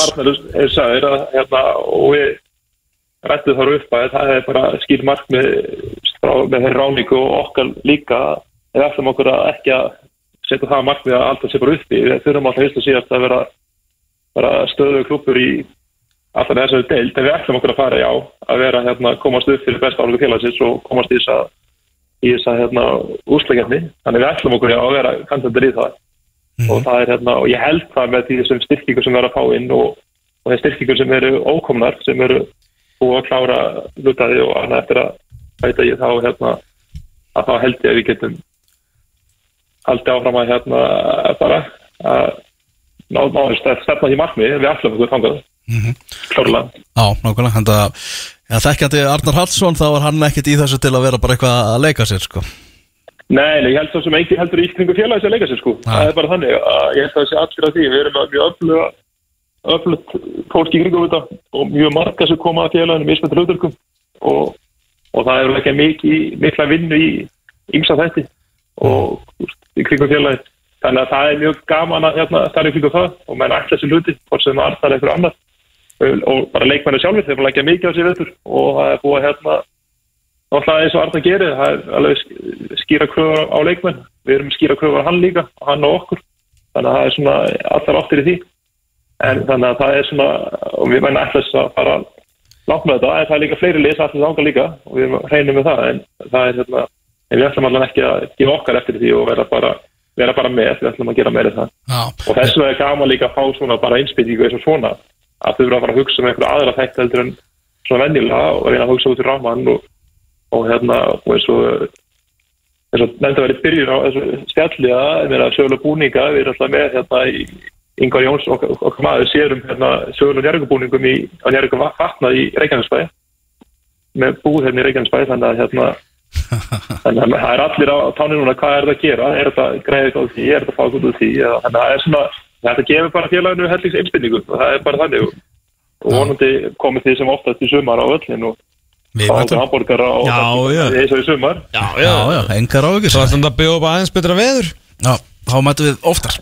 Það er mögulega ekki að standið bara þetta undir vegg og sletti við fagnum því alltaf að þeir njárvikingar að leggja ykkar á mörgum til að koma með svona krytti í þessa deild því að, já, bara svo tölur reynd út og var skemmtana gildi lengjudeildarinnar í fyrra mikil vombriði, var, var ekki nægilega skemmtilega en það horfið til betri vegar í, í sumar. Já, ekki Já, já, spurning klárlega. Og svo eins og líka með eins og búin að þetta þessi fá, hann er mjög Hvað hvað heitir hann?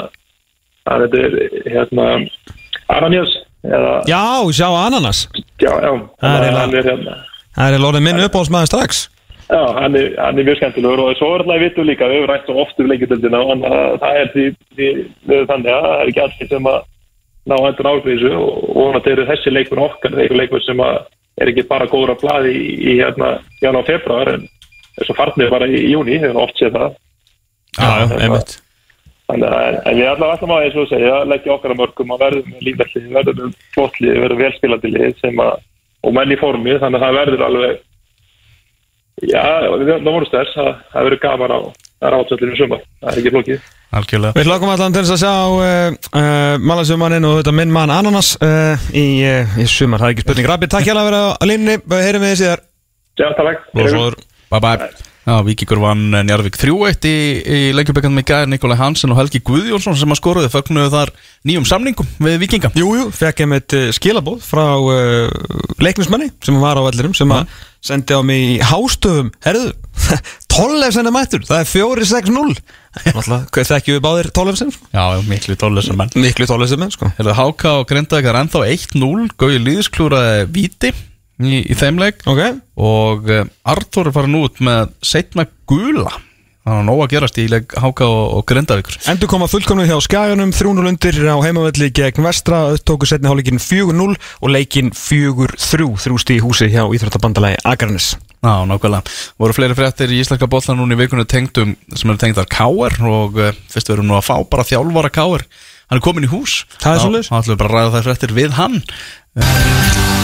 Það held ég út að sattur í fókbaltum.net hér á X-inu 977. Maður geta þess að það er jafnt 1-1 í, í Lundunarslagnum, hátíðislagnum í anska bóttanum, Vestam 1, eh, Chelsea 1. Já, uh, ansi hugulegt mark sem að Sjá Felix eh, skoraði eftir ansi hugulegan undirbúning Enzo Fernandes við Chelsea en það var síðan, var ekki örgulega Lukas Baketa sem að Jú. jafnaði mennin, sá ekki betur 1-1 í hátíðisleiknum í Lundunum heldur betur.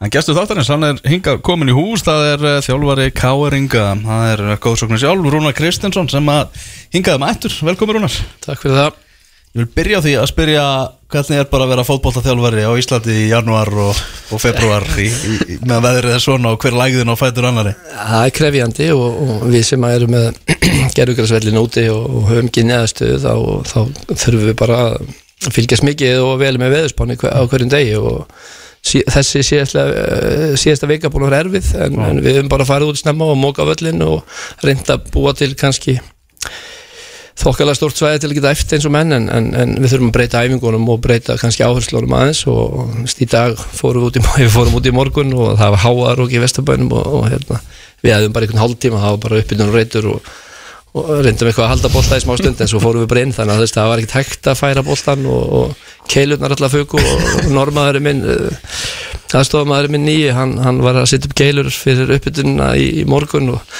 svo uh, þegar hann gekk fram hjá þeim þegar hann búin að sitja niður voru all, þá voru þær allar farnar meðan hann var að sitja hinna niður það komnar einu meginn á völlin þannig að hann fór bara að hlæja og stoppa þess að þeir þýðir ekkert að sitja niður það er, er verið ekkert gjörar þannig að við þurfum, þurfum alltaf að vera tilbúinir að breyta og, og, og finna upp á einhverjum um, öðrum lausnum. Þegar þú ert með buffið upp að augum húfuna niður að augum í síðuúlpunni í svona veðri hugsaður stundum Djöfull væri bara fínt að vera 28 ára besti maðurinn í Belgíu það er bara einhver aðri sem að móka völlin og ég fer bara í pottin Það, já, já, ég segi ekki að maður hugsa þannig við Íslandingar og það er doldið fyndið og nefnir þetta sko þegar við erum með, ég nefni hérna nýja aðstofmann minn, normannin það sem hann tekur mest eftir sko af því að við æfum nú í síðustu viku þess að við vorum búin að bara móka vítategin, gáttum æft og það voru svona smá klakar hér og þar á vellinum uh, lausir. Og Ok. boltarnir voru að hoppa aðeins og hann sagði sko, ótrúlegt að sjá hvað og þetta er kannski mest munur á Íslendingum og, og þá norsku leikmönnum eða út í Evrópu, það væri allir væland og skælandi sko, mm þetta var ekki bóðlega aðstæða fyrir eh, norsku leikmennina úti.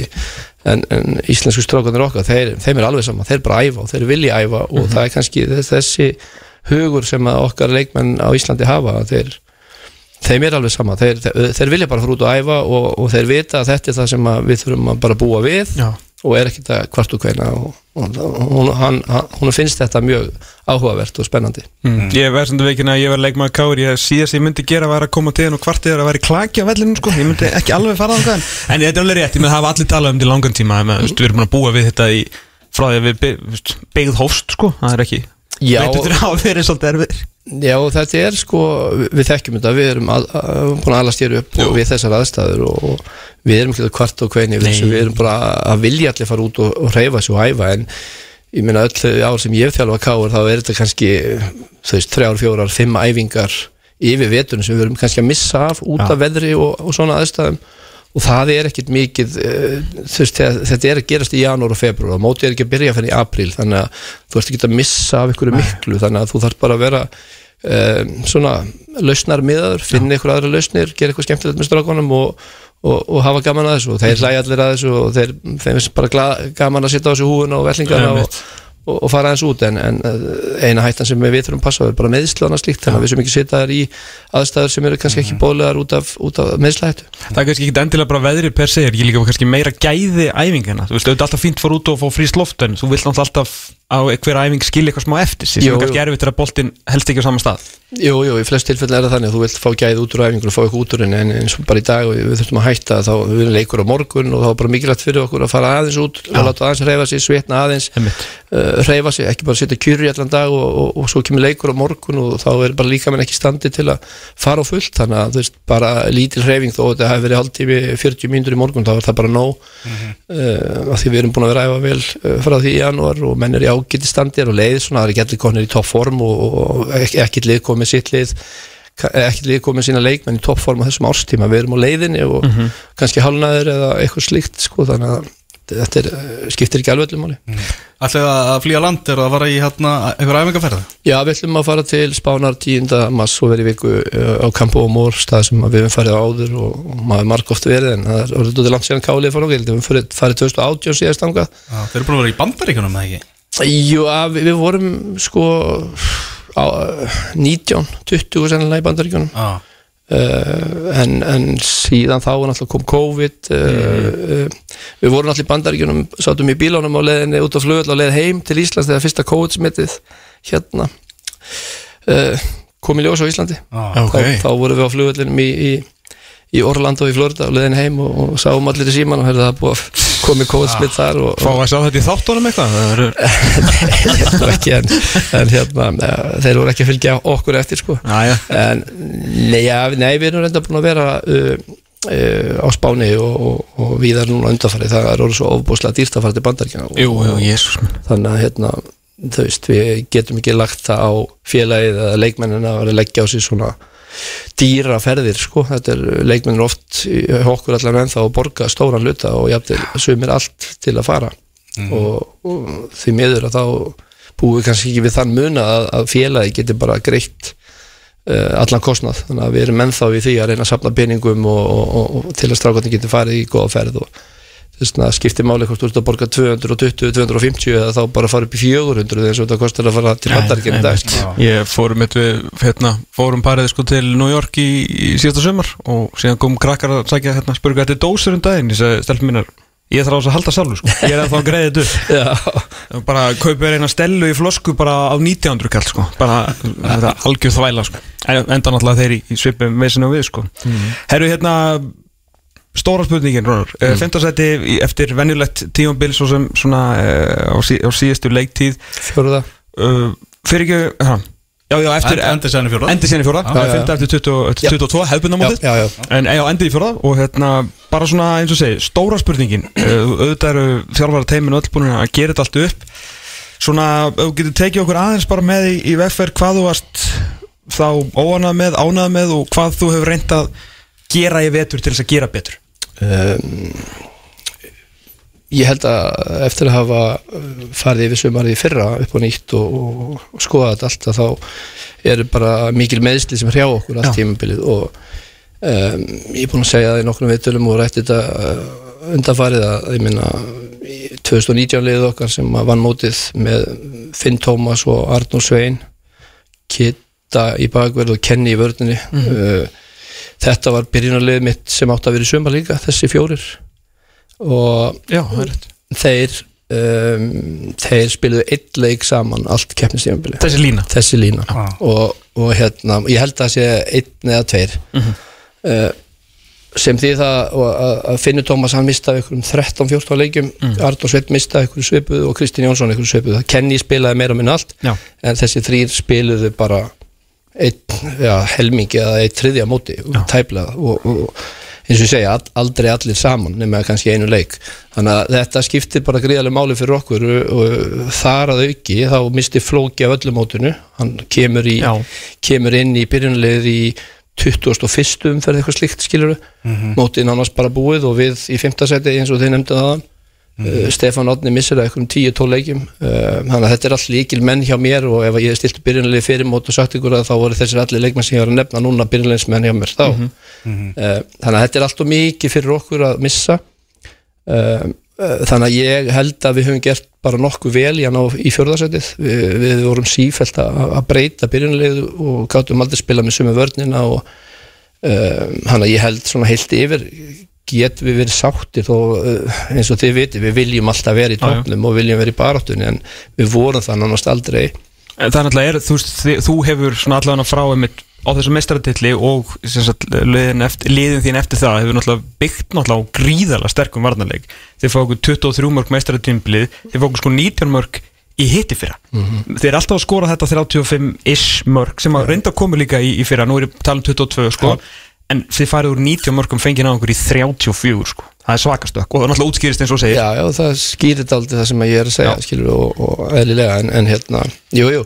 Uh, ég hef þráttir það að við höfum fengið okkur 19 og svo 22 þetta, þetta, þú veist, til að vinna í Íslandsmót þá þarfst að halda það undir 22 mörgum sem þú færði að þig Já. En á móti þá þarfstu líka að skora eitthvað af mörgum Jú, jú. og, þú þarft að, og við þurfum að finna kannski aðeins betri balans þarna, skora aðeins fleiri mörg á saman tíma og við getum fengið á okkur fá. Uh, við höfum ekki verið með kannski uh, leikmenn sem að hafa náð að skora yfir tíu mörg eða, eða meira í deildinni og það vantar dóldi líka upp á okkur að finna sender sem getur skorað 12 til 15 mörg og það líkur líka kannski munur í því að að vera að berjast um titil eða ekki. Veist, og það er þessi balans þarna á milli ná góðum varnarleik og fá þessi fá mörg en á sama tíma geta skorað og, og, og verið með markaskora sem getur skorað mikið Já, sér Káa fær náttúrulega að drauma síðan í nökkva og sem að bara katapultar þeim upp í Já, nákvæmlega, káaliðið undir stjórn Arnars undanfærin ár hefur verið að fá sig 20 mörg að meðaltali held ég síðastliðin þrjú ár Já. og þeir eru kannski það leið sem er erfiðast að skora hjá að mínum mati og, og hérna og liðin sem Arnar hefur þjálfað ég meina þegar Arnar var en breyðablík þá var þetta svipað. og það er bara um, má rekna með því að valsmenn verði svona í sömur að vera erfitt skorið því Arnar er mjög fla- fær í þessu að hafa góðan varnarleik en á móti kemur og þá kannski skora, skora káalið ekkert, jú þeir skoruðu mikið í sömur en árin þar undan hafa þeir heldur ekki skorað mikið þannig að það er þessi fíni balans og þú þurft að finna hann leikmann og í fyrra þá voru káamenni með með uh, markaskorara sem, sem kom óvænt af kantinum og skoraði mikið og, og, um, þannig að þú veist þetta er þetta einhver balans sem þú þarfst að finna. En ertu með varnalínuna núna? Þú veist, ef bara væri opening day í dag Já, ég menna við eh, mistum náttúrulega Arnór Svein í, í breyðablik og, og við þurfum að, að, finna mann í, í þá stöðu En hvernig er staðan þá á hinnum þreymur? Kenny eh, finnur uh, Kitty er allir í fínu lagi Ok. og, og eru, eru heilir og í toppstandi þannig að við þurfum bara að halda þeim þar og svo er náttúrulega Gretar búin að vera að spila hafsend undanfærin ár með okkur og, og er í toppstandi líka við erum með Pontus sem að fekk náttúrulega ykkur 20 leiki fyrra eða átján eða eitthvað sem að við fengum inn sem er svona varaskífu og ungan strák sem við ætlum að reyna uh, gera góðum hafsend fyrir okkur í framtíðinni og hann, hann fekk miklu, miklu fleiri leiki en hann átti nokkuð tíma og sjálfur held ég og við. Uh, við erum ennþá með hann hana, og En þú ert að horfa til einhver aðeins styrkinga í vörðuna Já, við, við náttúrulega erum búin að vera með þú veist, Jakob Frans er búin að vera að æfa með okkur. Uh, og erum að reyna að klára þau mál með ítalska félaginu hans. Já. gengur dóldi erfilega en, en hérna erum bara að býða og vinna, vinna mikla vinnu í að reyna að klára það. Ok og hann er náttúrulega kandidat í, í bæði miðvörð og hægri bakvörð. Uh, uh, Kenny getur alltaf að spila miður líka þannig að við, við erum ágætlega mannaðir í þeim stöðum. Ok, ok. En við skoðum aðeins bara komni farnir listan hjá, hjá KR og, og kannski byrjum á þessum normanni sem að þar að segja ekki norska miðjumannunum heldur normanninum í teiminu eða nýja aðstofamannunum Óli Martin he- heitir hann. Bara er breyting á, á svona hvernig teimið þetta er að, er að virka með, með komu hans Já, það er gríðarlega breyting og maður sér það bara á drengjónum að það er bara eins og sé komið nýr þjálfari skilu, það er komið nýr rödd uh, sem allir hafa gott af að, að fá inn. Hann hefur gríðarlega reynslu úr, nor norska bóltanum, starfað með vikingstafangir fyrra uh, þar sem að þú veist, æfinga álag og, og öll vinna í kringum liðið er öðruvísi.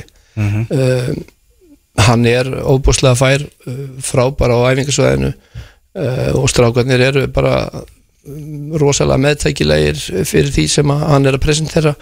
Uh, hann, við, við erum algjörlega sömu línu um hvernig við viljum spila en æfingarna sem hann er að koma inn núna og, og er að stýra ofta á, á, á æfingunum okkar eru þú veist, miða í rauninu á sama markmiðinu og, og ég hef verið með en hann er að gera það ör, örlítið annan hátt og, og það er mikið, mikið nýtt en í, í rauninu sömu áherslur. Þannig að en, en, en nýjar æfingar eh, smá svona áherslubreitingar hér og þar þannig að ég held að þessi bara óbúslega holdt og gott fyrir bæði mig og svo leikmenn að fá hann inn Er, það- er það meiri svona takkaskór heldur en 12? Þú veist, svona já, hann er bæði Hann er bæði? já, hann er bæði alveg frábær með tölvun og frábær með vídjóin og, Ok, ok og, og hérna greiningun á leikjum og vídjóum og, og, og, og þú veist hlaupatölur og allt þetta hann er, hann er góður allstæðar á þessum, öllum þessum sviðum þannig að það hjálpar bara mér óbúslega mikið og, og um, ég er óbúslega ánað með. Hefur látið hans að fá mikið á- á- ábyrgð á, á æfingarsvæðinu bara nú þegar, já, hann, hann er með gríðarlega miklu ábyrð á æfingarsöðin og, og stjórnar stóru hluta æfingan Ert þú orðin svona sem í manager? Svona stendur skrifin fyrir aftan og með kaffið og svona Nei, ég er nú ekki með kaffi Íbygginn en- á svip? Nei, nei, ég, ég auðvitað erum alltaf saman á æfingum og, og hann, við erum með fitness þjálfara sem að sér um uppbytununa og Já. svo tek, te- tekur hann yfir og, og svo hoppa ég inn inn á milli og, og við skiptum svo milli okkar en hann er svona kannski búin að vera með meiri hlut hann hinga til og það er líka kannski bara það, það er eitthvað sem ég var búin að ákveða að gera að láta hann stjórna og sjá hvernig hann myndi uh, stýra æfingum og, og bara sjá hvar ég stend gaggátt honum og öfugt skilur ja, í fó, þessari fótbólta hugsun þetta er búin að ræða það hvernig við viljum spila og hvað taktík við viljum spila og, og, og, og svo bara spurning hvernig æfingarnar hans eru uh, gagvart því plani og það er hafa og, ha- og hann hefði búin að vera með frábæra æfingar og, og strákarnir er er rosalega meðtækilega hlusta og er einbyttir á það sem hann er að gera og er að læra fullt nýtt og, og þannig að ég, þú veist, ég þarf ekki að fara að taka af honum. Nei, nei, hann er að gera en, nei. en auðvitað st- stýr ég liðsuppstillingu og, og liði og, og fundum fyrir leiki og, og við skiptum videofundunum á mill okkar og, og, og gerum þetta allt saman þannig að e, bara mjög gott. En þessi norski leikmaður Ólaf upp í miðjumæðurinn hann var þá þessi aðstofamæður þeirna með puttana í, í því að hann kom við fengum nú bara tips um hann fyrir einhverjum tveim mánuði síðan og, og, og fórum að skoða þetta og, og hann náttúrulega þekkir eiginlega bara alla fótballtamenni í Nóri og, og þekkir hann, hann hafði reynda að þjálfa hann líka. Þannig að um leið og það kom upp að hann var hugsanlega laus þá fórum við bara í málið og kíktum á hann saman og, og hann var sa- samfærir um að hann myndi bæta okkar lið, okkar leik. Um, vegna þess að hann þekkti hann og hafði þjálfað hann áður og hann var búin að þá stjórna æfingum í okkur í þrjár fjóra vikur búin að sjá okkar leikmenn og, og, og okkur vantar og vantaði mig um hann og jafnvel tvo þannig að Hvernig með maður er hann? hann er uh, hann getur verið djúpur á miðun hann getur líka verið uh, sóknar miðumæður þannig að okay. hann getur leist báða þessu stöður og vonandi kannski leikmaður sem getur tekið við að pálma Ok, uh, okkur, uh, við leituðum lengi fyrra af einhverjum djúpum miðumanni og, og náttúrulega mitt sömar fengu Aron Þórð uh, óbúslega ánæði með hann og, og við vildum bara og þurfum að bæta við okkur fleiri miðumannum uh, og uh, hann náttúrulega þekkir leikkerfið okkar, hann hefur spilað þetta oft áður. Þannig að hann getur smollið mjög hratt inn í okkar leik og búin að mæta tvær æfingar hjá okkur. Hann kom hérna í fyrir dag, æfði í fyrir dag og æfði morgun og, og um, bara lítur vel út og, og hérna við kannski sjáum eitthvað af hann á morgun í leik og svo þarf hann bara aðlagast nýjum uh, félögum inn á vellinum og nýjum aðstæðum og, og just íslensku fótboll Ef er tíminn komið, má hann spila á morgun? eða? Já, já, hann er lögur, hvernig var tíunda? Hann- annar februar er það búið að breytast, það var 20. Það er komin í annan? Það er annar, það er búið Já, að það breyta er alltaf búið að færa mótið svo langt fram já, Já, já, já, ég held bara að Íslands keppnistímbil skilgreining á því hafi verið einhvern veginn breytt. Þetta var alltaf 20. februar Já, en, en mér skilst það sé annar februar núna þannig að hann Ok. er komið leikjumil til okkur. Herru, hann er 28 ára þannig að það er svona um, ungur nefnul gammal teimur uh, í komnulistunum því að bara í morgun og við þökkum ykkur kjallaði fyrir það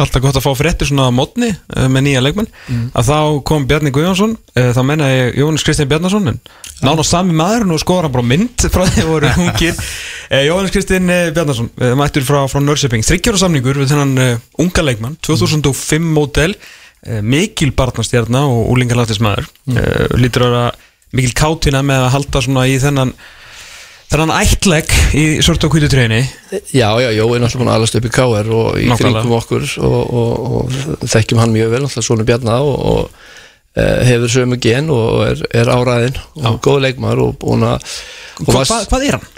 Já, Jói hefur spilað við á vellinum. Ég held að í framtíðinni getur hann djúpa miðumar Ok. okay. í dag uh, sóknar miðumar, kantur jafnvel. Ok, um, en hann er bara áræðin og frekur og, og hérna, hefur sjálfstöst og maður sér bara þessi tvö ár tæp sem hann er búin að vera úti. Og maður sér það með þessar strákar sem er að koma heim að þó svo kannski þessi erfitt fyrir einhver að koma heim og hætta í atvinnum mennskunni sem við erum búin að sjá undan farin ára þá, þá held ég að þessi strákar hafa allir bætt sér fullt því að þeir fá fleiri og betri æfingar Já. með kannski, ég er ekki að segja þessi alltaf Jói er búin að æfa dóldi með 19 liðinu úti en mikið með aðliðinu og, og hérna við það þá, þá er, er þessi strákar allir búin að bæta sér fullt og þegar þeir koma heima þá, þá sér maður alveg greinilega mun á þeim. Og maður sér það greinilega í, í Jóa. Og, og hann hefur haft gott að þessu þó að þetta hafi ekki kannski he hefnast og farið þannig eins og hann vildi og, og plani var í upphafi en, en hann er búin að bæta sér fullt og um, hlaupa geta hann að sig gríðalega mikil og, Ok. og, og hérna teknileg geta, sendinga geta og allt þetta er búið að lagast og orðið miklu miklu betra þannig að ég held að hann og, og fleiri bara strákur hans aldrei sem hafa farið snemm út og uh, veist, fullt af þessum strákur sem hafa verið að fara til Ítali og eru að koma heim núna margi hverjir og þá, sér maður að þeir hafa bætt sér fullt Já. og, og það er bara jákvætt og, það er ekkit að því að taka eitt skrif tilbaka og koma heim og koma að ringa sem betri leikmenn bara og, og, og svo verður við bara að hjálpa þeim að staða aftur og, og, og reyna að, að spila þeim ef, ef þeir eru nægilega góði fyrir okkur. Já, nú eru þeir náttúrulega með sem betur fyrir fleiri dæmi um að menn fari einmitt aftur út. Já, það sé bara smá stopp algjörlega og þú veist, þetta er, sem ég segi, það er ekkit að því að taka eitt skrif tilbaka því að hann er átján ára árinu sko nú Já, já. bara lífi framöndan En fótboltin er bara svo erfiður og breytilegur að, að þú veist, bara, þegar hann fyrir út og fleiri leikmenn fara út að þá er eitthvað plan í gangi hjá félaginu fyrir viðkomandi leikmann og þess vegna kannski velur að fara á þennan stað. Einmitt. uh, svo ertu búin að vera þarna kannski hálft ár og þá er þjálfarinn reikin Mhm. og þá allt í einu breytist allt plan. Nýr þjálfari kemur, hann vil fá sína leikmennin hann vil fara að spila öðruvísi fótbolta með eldri leikmennum staðan fyrir að vera að taka yngri inn úr unglingastarfi eða slíku. Þannig að svona breytast hlutinur og Jói lendi öðru lítið í því að bara það, planið sem hafa lagt upp sem hafa tvekja þryggja ára eh, breytist bara snögglega og, og, og verður bara þannig að yngri strákunar áttu beisli genga sen sko og verður bara ítt til hliðar og þannig, þannig getur þú lendi í þessu þegar þú ert að fara út í atvinnumenn sko að, að þú veist það sem lagt er upp með upp að þú ert kiftur og fengin á einhvern stað til að fara einhverja leið allt í hennu breytist leið, leiðin og hún breytist í einhverju uppeyju sem að þú áttir aldrei vona og þá, þá er stundum kannski bara betra að- bakka út og, og koma heim og byrja på nýtt. Ljúbisits fyrra Sigur Bjartur, nú Jakob Fransið náði nú vonandi að klára það, verið spennandi að sjá þann strák uh, Jói Bjarna.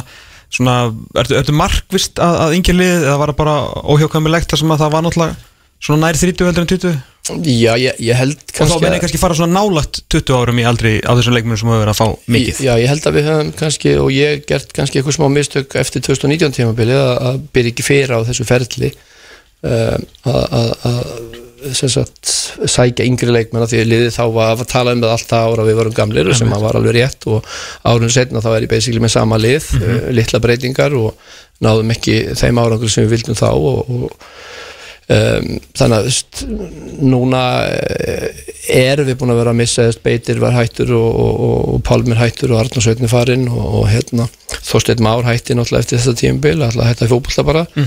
Um, og sama tíma að því að við vorum kannski seinir að grípa inn að þá er bara Gretar uh, Flóki, Ægir, allir þessi strákar búin að vera hjá okkur í 2000 og þeir eru núna orðin, þeir eru svona þessi leiðtóður í hópnum mm -hmm. þú veist, orðin er aðeins eldri. og, og, og þeir geta núna verið þessi beinagrinda liði sem við erum að spila eða sem sagt búa til í kringum. Og þá er fínt að fá inn yngri stráka e, með. Og við erum með beinagrindina liðinu er kannski liði sem að kláraði mótið í fyrra í úrslitkefninni um, og þá eru, erum við með basically alla þá leikmenn ennþá kannski að Pálma og Halli undanskildum. Og Beiti, Arnur Sveini en þeir voru ekki að spila uh, þessa síðustu leiki. Nei. Fyrir utan Beiti kannski en Arnur Sveini voru meittu, Pálmi spilaði lítið og Hallur meittist og, og þá þá voru við með kannski af þeim, kannski nýju allavega ennþá hjá okkur, tíu uh, og fyrir utan meðslinn á, á, á þeim sem voru meittir á þeim tímapunkti þannig að þú veist beinagrindin er til staðar og, og við þurfum bara að byggja kringum hana og við erum að reyna að gera það með yngri strákum, efnileg strákum og einhverjum sem við sjáum framtíð í. Mhm. Ungur leikmaður sem þið fáið, ungur englendingur Luke Ray frá, frá Gróttu 22 ára gamall náttúrulega búin að skora mikið og skapa mikið í, í neðri deildunum á, á Íslandi. Jú. er hann bara núna klári að taka skrefið í, í efstu deild, hvernig er svona hugsaður hans hlutur, kemur náttúrulega kannski með svona aðra, aðeins annar möguleika fyrir því í sóknarleikin Algjörlega, hann er, hann er bara búin að vera mjög flottur hjá okkur og, og, hérna uh, spila þessa leiki uh, hefur greiðanlega hraða, hann er mikið leikskilning og er ógnandi. Hann, mm hraðin skiptir miklu máli í þessu en, en það, er oft fyrir þá sem er svona óbúslega hraðar eins og hann þá vantar aðeins upp á tæknina en, en hann er alveg með hana. Og hann er með góða fyrirgjafur, hann er góða leikskilning alveg upp í Englandi skilur, hann, hann kann þetta leikkerfi nokkuð vel. Um, og er búin að þróa sinn leik og búin að vera á Íslandi í, í nokkur ár og það er oft fyrir útlendingar sem að koma og, og þá tekur það smá tíma aðlagast íslenskum aðstæðum, íslensku fótbolta og nú er hann búin að fá þá eldskýrt bæði höfst hjá vestra og, og, og, er og svo á króknum Jú, og, og svo í gróttu þannig að þú veist hann er kannski búin að spila við allar aðstæður mögulega er á. Íslandi og hann er óbúslega jákvæður og flottur strákur á æfingum og, og, og við erum ánaði með hann og hann er svona uh, smá X-faktor hjá, hjá okkur sko, því að hann, hann hefur ímislegt sem að kannski hini kantminn okkar hafa ekki, hann, hann er ólíkur þeim og það er gott að hafa breytt og, og, ymsa möguleika í stöðunni Já, ég held að, ég held að þú hafa fundið, ég held að K.R. hafa fundið svona, þetta er skemmtilegast X-faktorinn bara fyrir sumari, sko, því hann er fíla, sko, hann gerði þetta, hann var alltaf langbæstur í þriðu deild, fín snýbil í lengi deild, svona, þess að fyrra með vestra frábær í fyrra, líka í svona skemmtilegu gróttu leið sem hann spilaði í ákvæðan fótbolta, vildum mér komið að einhverjum 15 mörgum eitthvað og svona, eins og segir, 2000 módel, þú veist, hann er með, hann er ungur, hann er fljótur, hann getur skorað, getur lagt upp og svo bara getur maður, eins og þú varst að segja, rétt ímynda sér að hann sé bara með gott attitút með að við hafa farið þess, þessa leið, sko, það er ekki svo. hann sé að koma frá London.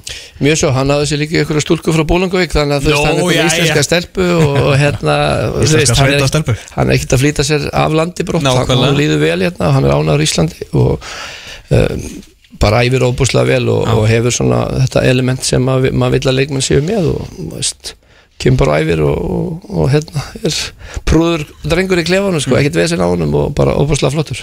Þegar þú horfið til hérna næsta, næsta sumars. Þið eru, uh, þið eru svolítið langt frá þessu í, í fyrra, kannski svona þrjúlið sem að, eitt lið sem að skaf sér alveg úr svo komið tvö þar á eftir og síðan þið og sérst Valur Káir stjarnan.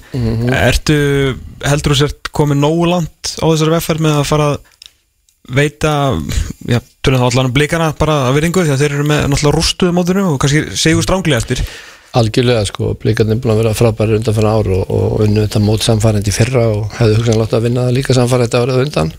Uh, en uh, þá unnu reyndar þínir menn en, en hérna um, við erum nöðut að reyna og viljum taka þátt í þessari baráttu. Við erum búin að vera að elda þessi lið núna í síðustu ára og, og um, en íslenska deildin er bara, hún er svo breytileg að, að 2019 vinnu Káar, 2020 vinnu Valur 21 Víkingur, 22 breyðablík mm -hmm. síðustu fjórum árum eru fjóru lið sem, sem er búin að vinna. Þannig að við veitum ekkert hvað gerist 23 þannig að uh, það er bara samkeppnin orðin gríðaleg og við séum að þú nefnir Káa kemur og lendir í öðru seti fyrra sem enginn kannski átti vona á.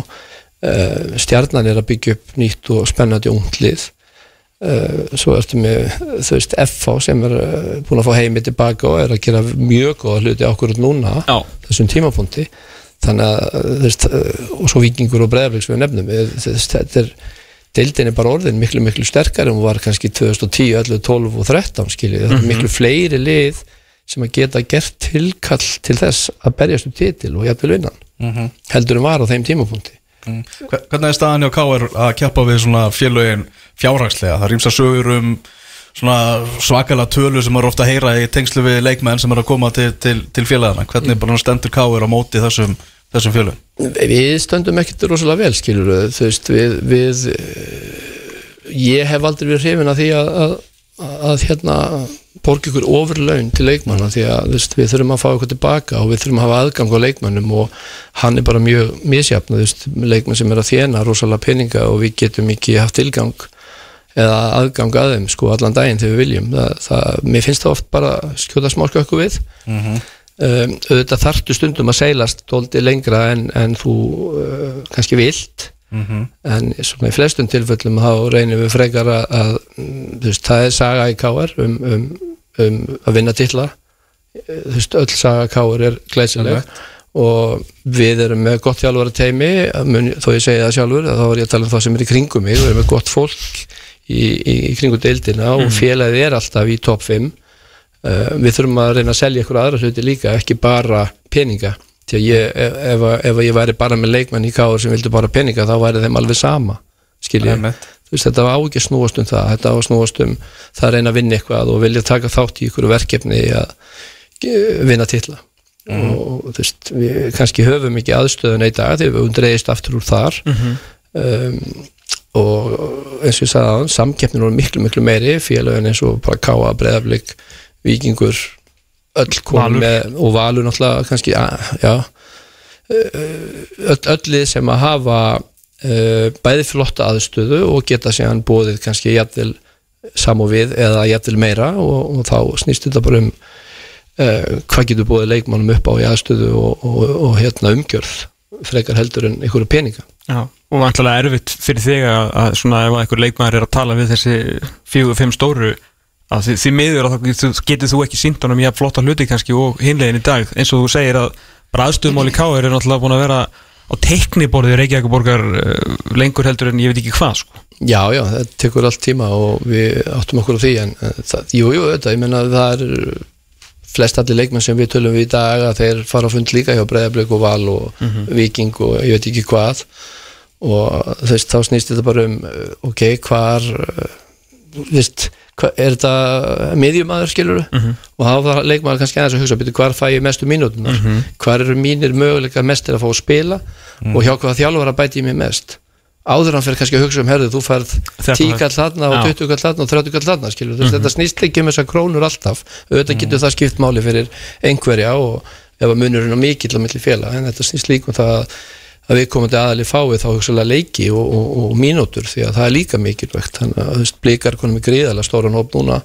Valur var með gríðalega stó, stóran hóp í fyrra og kannski aðeins búin að minka núna en, en þannig að leikmenn kannski horfa í það byrju, hvaða leikmenn eru í þessum hóp hvaða miðjumenn eru hérna ef ég er miðjumæður mm -hmm. á ég eitthvað tjens að spila og þá er kannski bara betra að velja eitthvað annað lið þar sem að þú telur þig að meiri möguleika. Þannig að það eru rosalega marga breytur í þessu og þetta snýst ekki bara um peninga. Þannig að þú veist við þurfum kannski að, að nota það meira ef við getum ekki hóðið sam og hinnir hérna, ég veit ekki hvort þú fóst eitthvað last þarna sem sagt, uh, skýrslu skrástrík vangaveltur uh, Greta Raps uh, og kannski aðla þessi, þessi fyrirsök sem ég held að hefur nú ekki farið fram hjá neinum með í, í áhuga umkörnu hvað segir svona reynslubolti eins og þú með það sem að þú last af þessu? Ef eitthvað, er þetta 100% sammálunum, algjörlega uh, og, og, en, en þú veist þetta er bara eitthvað átak sem íslensk félag og, og knarspindu sambandi þarf að vinna í saman að, við getum á einhverjum tímabúndi haft meiri aðgang á okkar leikmannum og þú veist, ef maður horfið til Noregs í Kanada þegar þeir voru að reyna að byrja þessu atvinnum sko, og þegar ég fer að spila þetta þá er fullt af strákum sem eru í skóla og einhver í vinnu en,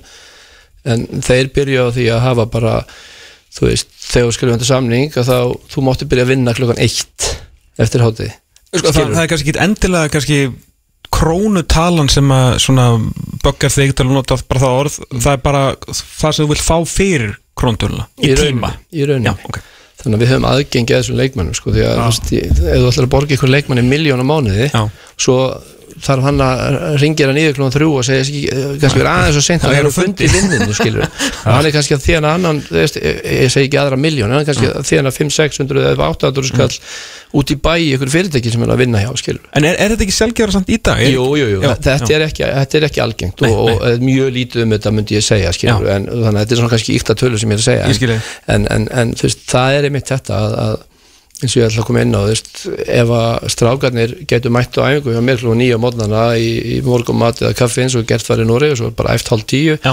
búin 11 sturta og eitthvað gætu tekið á fund, haft smá vídeo og þeir getur fengið hátegismat, svo er bara farin í skólan klukkan hálf eitt eða eitt eða í vinnu klukkan hálf eitt eða eitt, Já. 94 og 5 þá hefur aðgengi upp og meina ef ég ætla að taka liðsfund með miðjumennum mínum í næstu viku sko og beða að koma klukkan 2 þá, fimm eða sex miðjumenn að þá komast bara þrýra því hinn er í skólanum og aðrir að vinna og maður þarf svona púsla saman býtu hvernig getum við hist, ef við hittar svona átt í kvöld skilur, eftir kvöldmatt þá það er svo ef að dóttum minna skilur, veist, það er alls konar svona þetta þetta er hægt, en við þurfum og þjálfvarnir þurfum að vinna uh, og tilbúinir að vinna bara basically hvenna sem er til að geta komið svona hlutum við og, og þetta er ekki alltaf auðvelt en, en, en þetta er kannski einhver leið sem hægt var að fara og, og því fyrir sem við komumst á þessa vegferð að þá kannski höfum meiri aðgang að leikmannum okkur og meiri tíma með þeim og það mun bæta leikmannum okkur líka. Þetta er ekki bara fyrir félugan og þjálfaran þetta er fyrir leikmenn til að bæta þá. Er þetta svona var, þetta var svona ef þú er að þjálfa 95 skilur þá var þetta skiljanlegra. Þú veist, eins og þetta var þá, þá Já. voru menn bara að koma og vinna klukkan 6 og Já, þá, þá var þetta bara svona en við erum að reyna að fara í aðra átt og Já, já, og það eru, ég meina, valsmenn pröfuðu þetta í, í fyrra þetta fyrra, það var til svo einmitt, dag og, og sum félögin er að æfi hátteginu alla daga, einhver, held ég, og einhver er að reyna að byrja klokkan fjögur á daginn og, og þetta er svona mismjöndi, þannig að þú veist, það er alltaf, ég meina, þegar ég var að byrja í Káar í Kanada, þú veist, það var æfing 6 eða eitthvað, skiljið, það var allir búin í vinnunni, já. svo höfum við búin að færa til klokkan 5 og svona, reynir maður hálf 5 og þá svona, ah, alltaf eitthvað 2-3 sem að bara dett inn á síðustu stundu Mhm. og maður vill það helst ekki þannig að þetta, er svona, maður er alltaf að reyna að finna aðeins að mjaka þessu í réttu áttina sko.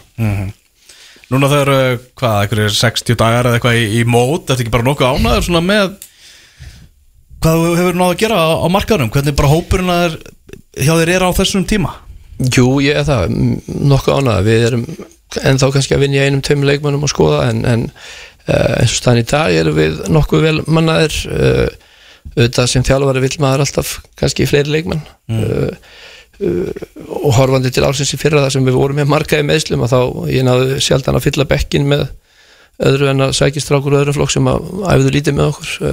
Þannig að það var svona erfitt að lítum öxl og sjá hvaða breytingar maður ætti að gera en, en þú veist þannig að þú vilt hafa breiðan hóp sérstaklega mótið er orðið 27 leikir pluss byggar þá, þá þarftu að hafa breiðan og góðan hóp og kannski var ég alveg til í að fá 1-2 leikmenni viðbúti en, en við erum að vinna í því að skoða þetta og, en eins og staðan er núna er hópurinn okkar bara nokkuð vel mannaður og, og við erum, við erum ánaður sem þjálfarteimi en, en kannski eins og segja 1-2 væri, væri svona það besta. Svo hefst bara undirbúinast tímbilið svona fyrir fyrir alvöru bara morgun. Og byrja bara með með bang, það reykja eitthvað slagurinn. Það káða valur bara, valur já, já, bara frábært að, að fá þessa leiki á þessum ástíma og, tvö morgun? Tvö morgun og, og hérna færðum leikin frá því að hann átti að vera gerðkvöldi á föstuskvöldi og út af sannlega kannski, það var búið að spá tölvöld meiri vind heldur en var og dagun dag náttúrulega skelvilegur þannig, að- þannig að veðri á morgun ætti að vera bara mjög gott til, a, til að fá góðan og, og góðan leik og þetta eru oft bestu æfingarleikirnir á vorin að mæta eins og, eins og til dæmis val á morgun að það er frábært og, og fáum við góðan leik og, og, og getum prófað ímislegt og uh, kannski áhersla á hvernig leikunum fer og annað slíkt held ég að sé ekkert allir mikið að spá í en ég held sem meira að spá í að gera réttu hlutina og, og uh, það sem við erum búin að vera að æfa í veturskilu, þú vilt fá að sjá það að menn séu að gera réttu hlutina Mm. Og, og, og draga lærdum á öllum leikið sem við spilum en, þetta svona styttist í að þetta fyrir að vera meiri alvara og, og menn fara að stilla upp sínu bestu liðum og ég held að, ég held að bæði Káru og Valur munu stilla upp mjög góðum liðum á morgun þess það, það er aldrei vinnettu leikir millir þess að félaga Nei, sem betur fyrr. Hérna rétt sem sagt, fyrir þá sem gáringa sem að bara vilja helst ekki fara út úr húsi að og sem aðrir Íslendingar uh, við ætlum að lokka á völlin með, með Öpi hann geti, geti spilað eitthvað Já, já, hann er, hann er góður, já, já, hann, er, hann, hann spilar á morgun. En uh, Jói Lilli Uh, nei, ég veit ekki, þú varst að segja mér fréttir ef hann orðin löglegur því að við vorum uh, bara í hátteginu vorum við ekki búin að fá það staðfest. Já, það er búið að sérst, kinnan, þeir eru búin að kinnan Já, en, en ég, félagaskiptin er ekki komin í Það gegn er náttúrulega helgi, ég er búin að glemma því það geti Já, og það er bara uh, Nei, hann spila fyrir Svíþjóð, ennþá. Já, þannig að veist, hann er ennþá uh, ólöglegur og, Já, já. og hérna við, En við upp í. en það er bara vandan, við erum alltaf með annan dreng sem hef ekki búin nefna Benon í breki sem við erum að fá frá Ítalíu líka og Er hann er ekki löglegur heldur og við hefum verið í basli með hann á sambandi bara við Ítalina um að bæði hann og Jakob Frans um að, um að fá þá löglega en þeir eru búin að ræða með okkur og algjör synd að, að, að þeir get ekki spilað tekið þátt í þessu með okkur. Uh, en, en þetta er bara eilíð baróta Ítalina er ekkert að flýta sér að svara okkur og, og svona búin að vera dálítið erfitt og, og hérna. En, en saman tíma þá er þetta bara miður fyrir leikmenn að fá ekki leiki og, og, þessna uh, væri gaman að geta nýtt þessi stráka á morgun alla. Rúnar Kristinsson, þjálfur Káur, takk hjá fyrir komuna. Alltaf gaman að fá þig. Valur Káur á morgun klukkan 2 Við klárum þáttinn eftir augnablik. Takk. Það er svona viss fyrringur þegar lengjubikarin er farin á stað og það eru leikir í gangi svona með að við erum með, með þáttir sko. Það er alltaf gott sko. Já, Íavan vestra, 4-3 henduðu leikar þar eftir að hafa lent 3-0 undir. Svakalegu leikur sem að Ía TV síndi á það að að kostnaðar lausu fyrir, fyrir áhörundur Já, ég hérna, þetta er bara bref Ná, til að staðfesta það sem að uh, þú staðfestir uh, við mig áðan. Já, um spýti á veilarnar ástæðan fyrir því að félagin eru ekki að reyna að græða á aðdáðundum sínum eða sem sagt að vera að borga fyrir þessa leiki. Þeir sagt rukka ykkur á 2-3 eurur á notanda. Einmitt. þannig að í raun og veru er þetta bara kostnaður á móti þannig að útsendingin kom ekki út í tapi peningalega. Mhm. Það var leikur í, í Kórnum þar sem að Háká mætti Grindavík og það endaði 4-0 fyrir Háká Já, takk. Og þetta endaði þannig að það var nýju á móti nýju hérna á vellinum í lokin. Það var nóg á rauðum spjöldum einhver að fá setna gula hérna já, Dagur Östmann fekk hérna raut á 89. mínútu. Eidur Atli, hann fekk raut Marin og Axel, þannig að það var mikið stuð í, í, í kórnum, Grindvíkika náttúrulega já, búin að fara hamförum á leikmannamarkaðunum með alla ánga úti að búa svo undir lengjudeldina undir stjórn Helga Sigurssonar ætla upp úr lengjudeldinni en fengu þetta skella móti Háká sem er sjálfsögðu nýliðar í, í bestu deldinni Alli Arnason með tvö mörg Brynjarsnær Pálsson og, og Tumi Þorvarsson með eh, mörg einning í, í þeimleik Já, það er lítið, það er eins og segja Valur K.R. á morgun klukkan 2 og uh, síðan er ekki leikur, það er enda leikur á 50 kvöldið því 16. februar klukkan 7 Víkingur stjarnan í haminginu ég held að það sé nú líka svona prísins og leikur sem að, svona gómsætur prísins og leikur eða verður ekki akkurat lægð Já, á, á, á þeim tíma. Og svo annar uh, mjög áhugaveruleikur uh, daginn annað, þess að föstudagskvöld Friday night under the indoor lights uh, Breiðablik F ah, ok. Klukkan 7 á, á förstu dagi næsta eftir, eftir 6 daga. Já, það er, það er, er hörkuleikur á, á dagskræðan Hörkuleikur þar, hörkuleikur sko. Já, með, með þurfa að vera dugleira að vakta hérna KSI síðuna bara upp á það að getur verið breytingar bara hérna með stuttum fyrirvara út af uh, fjögur að lagða vikunni sem að er að fara að detta í gang. Ó, ég get ekki beðið sko. Já, Get ekki beðið. Er það er ennþá 1-1 í ennska boltanum í hátegisleiknum Vestam Chelsea Já, Enzo Fernandes með uh, algjörlega frábæra sendingu á Sjá Felix til að koma Chelsea í 1-0 uh, Kai Havertz er búin að skora tvö mörg nefndur rannstæður í bæði skiptin og uh, það var síðan Lukas Paketa að skora annan leikin í röð fyrir Vestam vonandi fyrir Hamrana fyrir hann að detta þessi í gang því hann hefur verið afskaplega svona með við það sem hann ætti að sína fyrir Vestam það sem að, að er. Mm. Klukka þrjú er Arsenal að fara að mæta Brentford topplið Arsenal spurning hvernig þeir eru að fara að svara eftir þetta tap á móti Everton um, um síðustu helgi. Já, Brentford er náttúrulega mjög svona fysikali lið, maður getur ímyndað sér að Thomas Frank rífi kannski eina eða tvær blassiður úr, úr bók uh, Sean Dice frá því að Everton vann uh, Everton um síðustu helgi. Aftur á móti, þá líst ég líka fyrirleika sér leið, ég er að fara að lýsa sér leik eftir, eftir klukkutíma. Að þá náttúrulega átti Arsenal svona einn af eh, betri leikjum sínum myndi ég segja á tímabilinu því að það er nú ekki auðvelt að fara á G-Tech samfélagsvöllin í, í Brentford. Nei svo sannarlega ekki og þeir gjósalega pökkuðu saman þar sem þess að Fabio Vieira skoraði sitt fyrsta og eina marka á leiktíðinni þar í 3-0 seri. Það verður frólægt að sjá, sjá þennan leik og á sama tíma er Leicester Tottenham meðal annars Crystal Palace Brighton, Fulham, Nottingham Forest og, og, og Southampton gegn Úlfónum Já, svo uh, sítiðisleikurinn það er lengsta ferðalag í uh, deildinni. Bournemouth Newcastle. Já, það er norður til söðurs Já, Þe, þeir eru hérna, hvað eru þeir konur í áskrift Newcastle með þennan leiktíma Þeir eru alltaf að spila núna bara á lögatöfum 1730 Já, ég hérna skil, veit ekki alveg af hverju Þeir eru alltaf, alltaf þarna sko Búið að ræða upp marst en ávallega eitthvað eftir að breyta þessu meira þegar að uh, kemur í ljós hvort að Manchester United fari inn í 16. úrslit Európa-deildarinnar Þeir eru þar í, í umspili eða hvað heitir þetta? Ekki umspil, umspilum að komast í 16. úrslitin gegn eh, Barcelona Arsenal er þar inni, hann á eftir að gera einhverjar svona breytingar á, á þessari dagskrá í mars held ég óhjá kvæmulega búið að bæta við fyrsta mars. Miðgudaginn fyrsta mars, þá eru komin tveir leikir. Uh, það er eh, Arsenal og uh, Arsenal og Liverpool er að spila þann dag. Mm. þannig að það er svona að það er ennþá nýju leikir sem á eftir að finna, finna tíma fyrir. Á morgun, Leeds Manchester United taka tvö, takk að tvö. Þannig spilum við síðast alveg á miðgudaginn Já, þetta endar ekki með jafntöflu á morgun. Nei, ég held að það verður ekki, ekki þannig. Og Manchester City gegn Aston Villa síðan sýtið þessu Leopold Everton Merseyside slagur hérna og mándaskvöldi Og svo miðvíkudaskvöld Svo er komið að ég með Það er komið að því, það er svona við erum búin að vera að tala um. Arsenal Manchester City það er eins gott að þetta verði sko hérna, það verði eitthvað í þessu. Veist, Arsenal nær eh, getur ná áttastega fórskoti á eftir. Mm. Getur farið í áttastega fórskoti núna með þess að uh, inn í sunnundaginn þá getur sitt í minga þess að aftur niður í fimm stig. Munur má nú ekki vera, myndi ég segja svona fyrir svona fyrir okkur sem er að sína þetta í sjónvarpi með ekki meira en fimm stig. Það væri, væri hendugt já, bara svona upp á, upp á spennuna á, á miðvikudaginn. Þá held ég að Arsenal menn sé nú alveg hjertalega, hjertalega ósamála með. Allum klukkutíma uppbytun.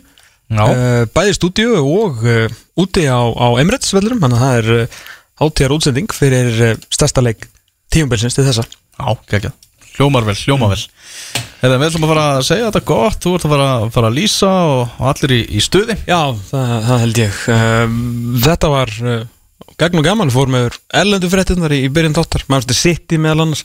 Svo tókum við íslensku fréttinnar, heyrðum í Rafni Markus uh, yfirmæri knarspöldmáli hjá Njarvík fórum yfir nýja malasíumannin sem er að, tröllriða samfélagsmiðlum hjá, hjá Njarðvík og við tölum auðvitað líka aðeins um Já Ananas sem að þeir að fara að spila fyrir Njarðvík í sumar. Rúna Kristinsson, sérstakur gestur þáttarins, margt áhugavert sem að sá mikli sigurveri, næst landslíki hæsti leikmaður sögunar, hafði að segja um íslenska fótboltan við eh, verðum hér aftur eftir 6 daga og 22 tíma. Þanga til, verið sæl.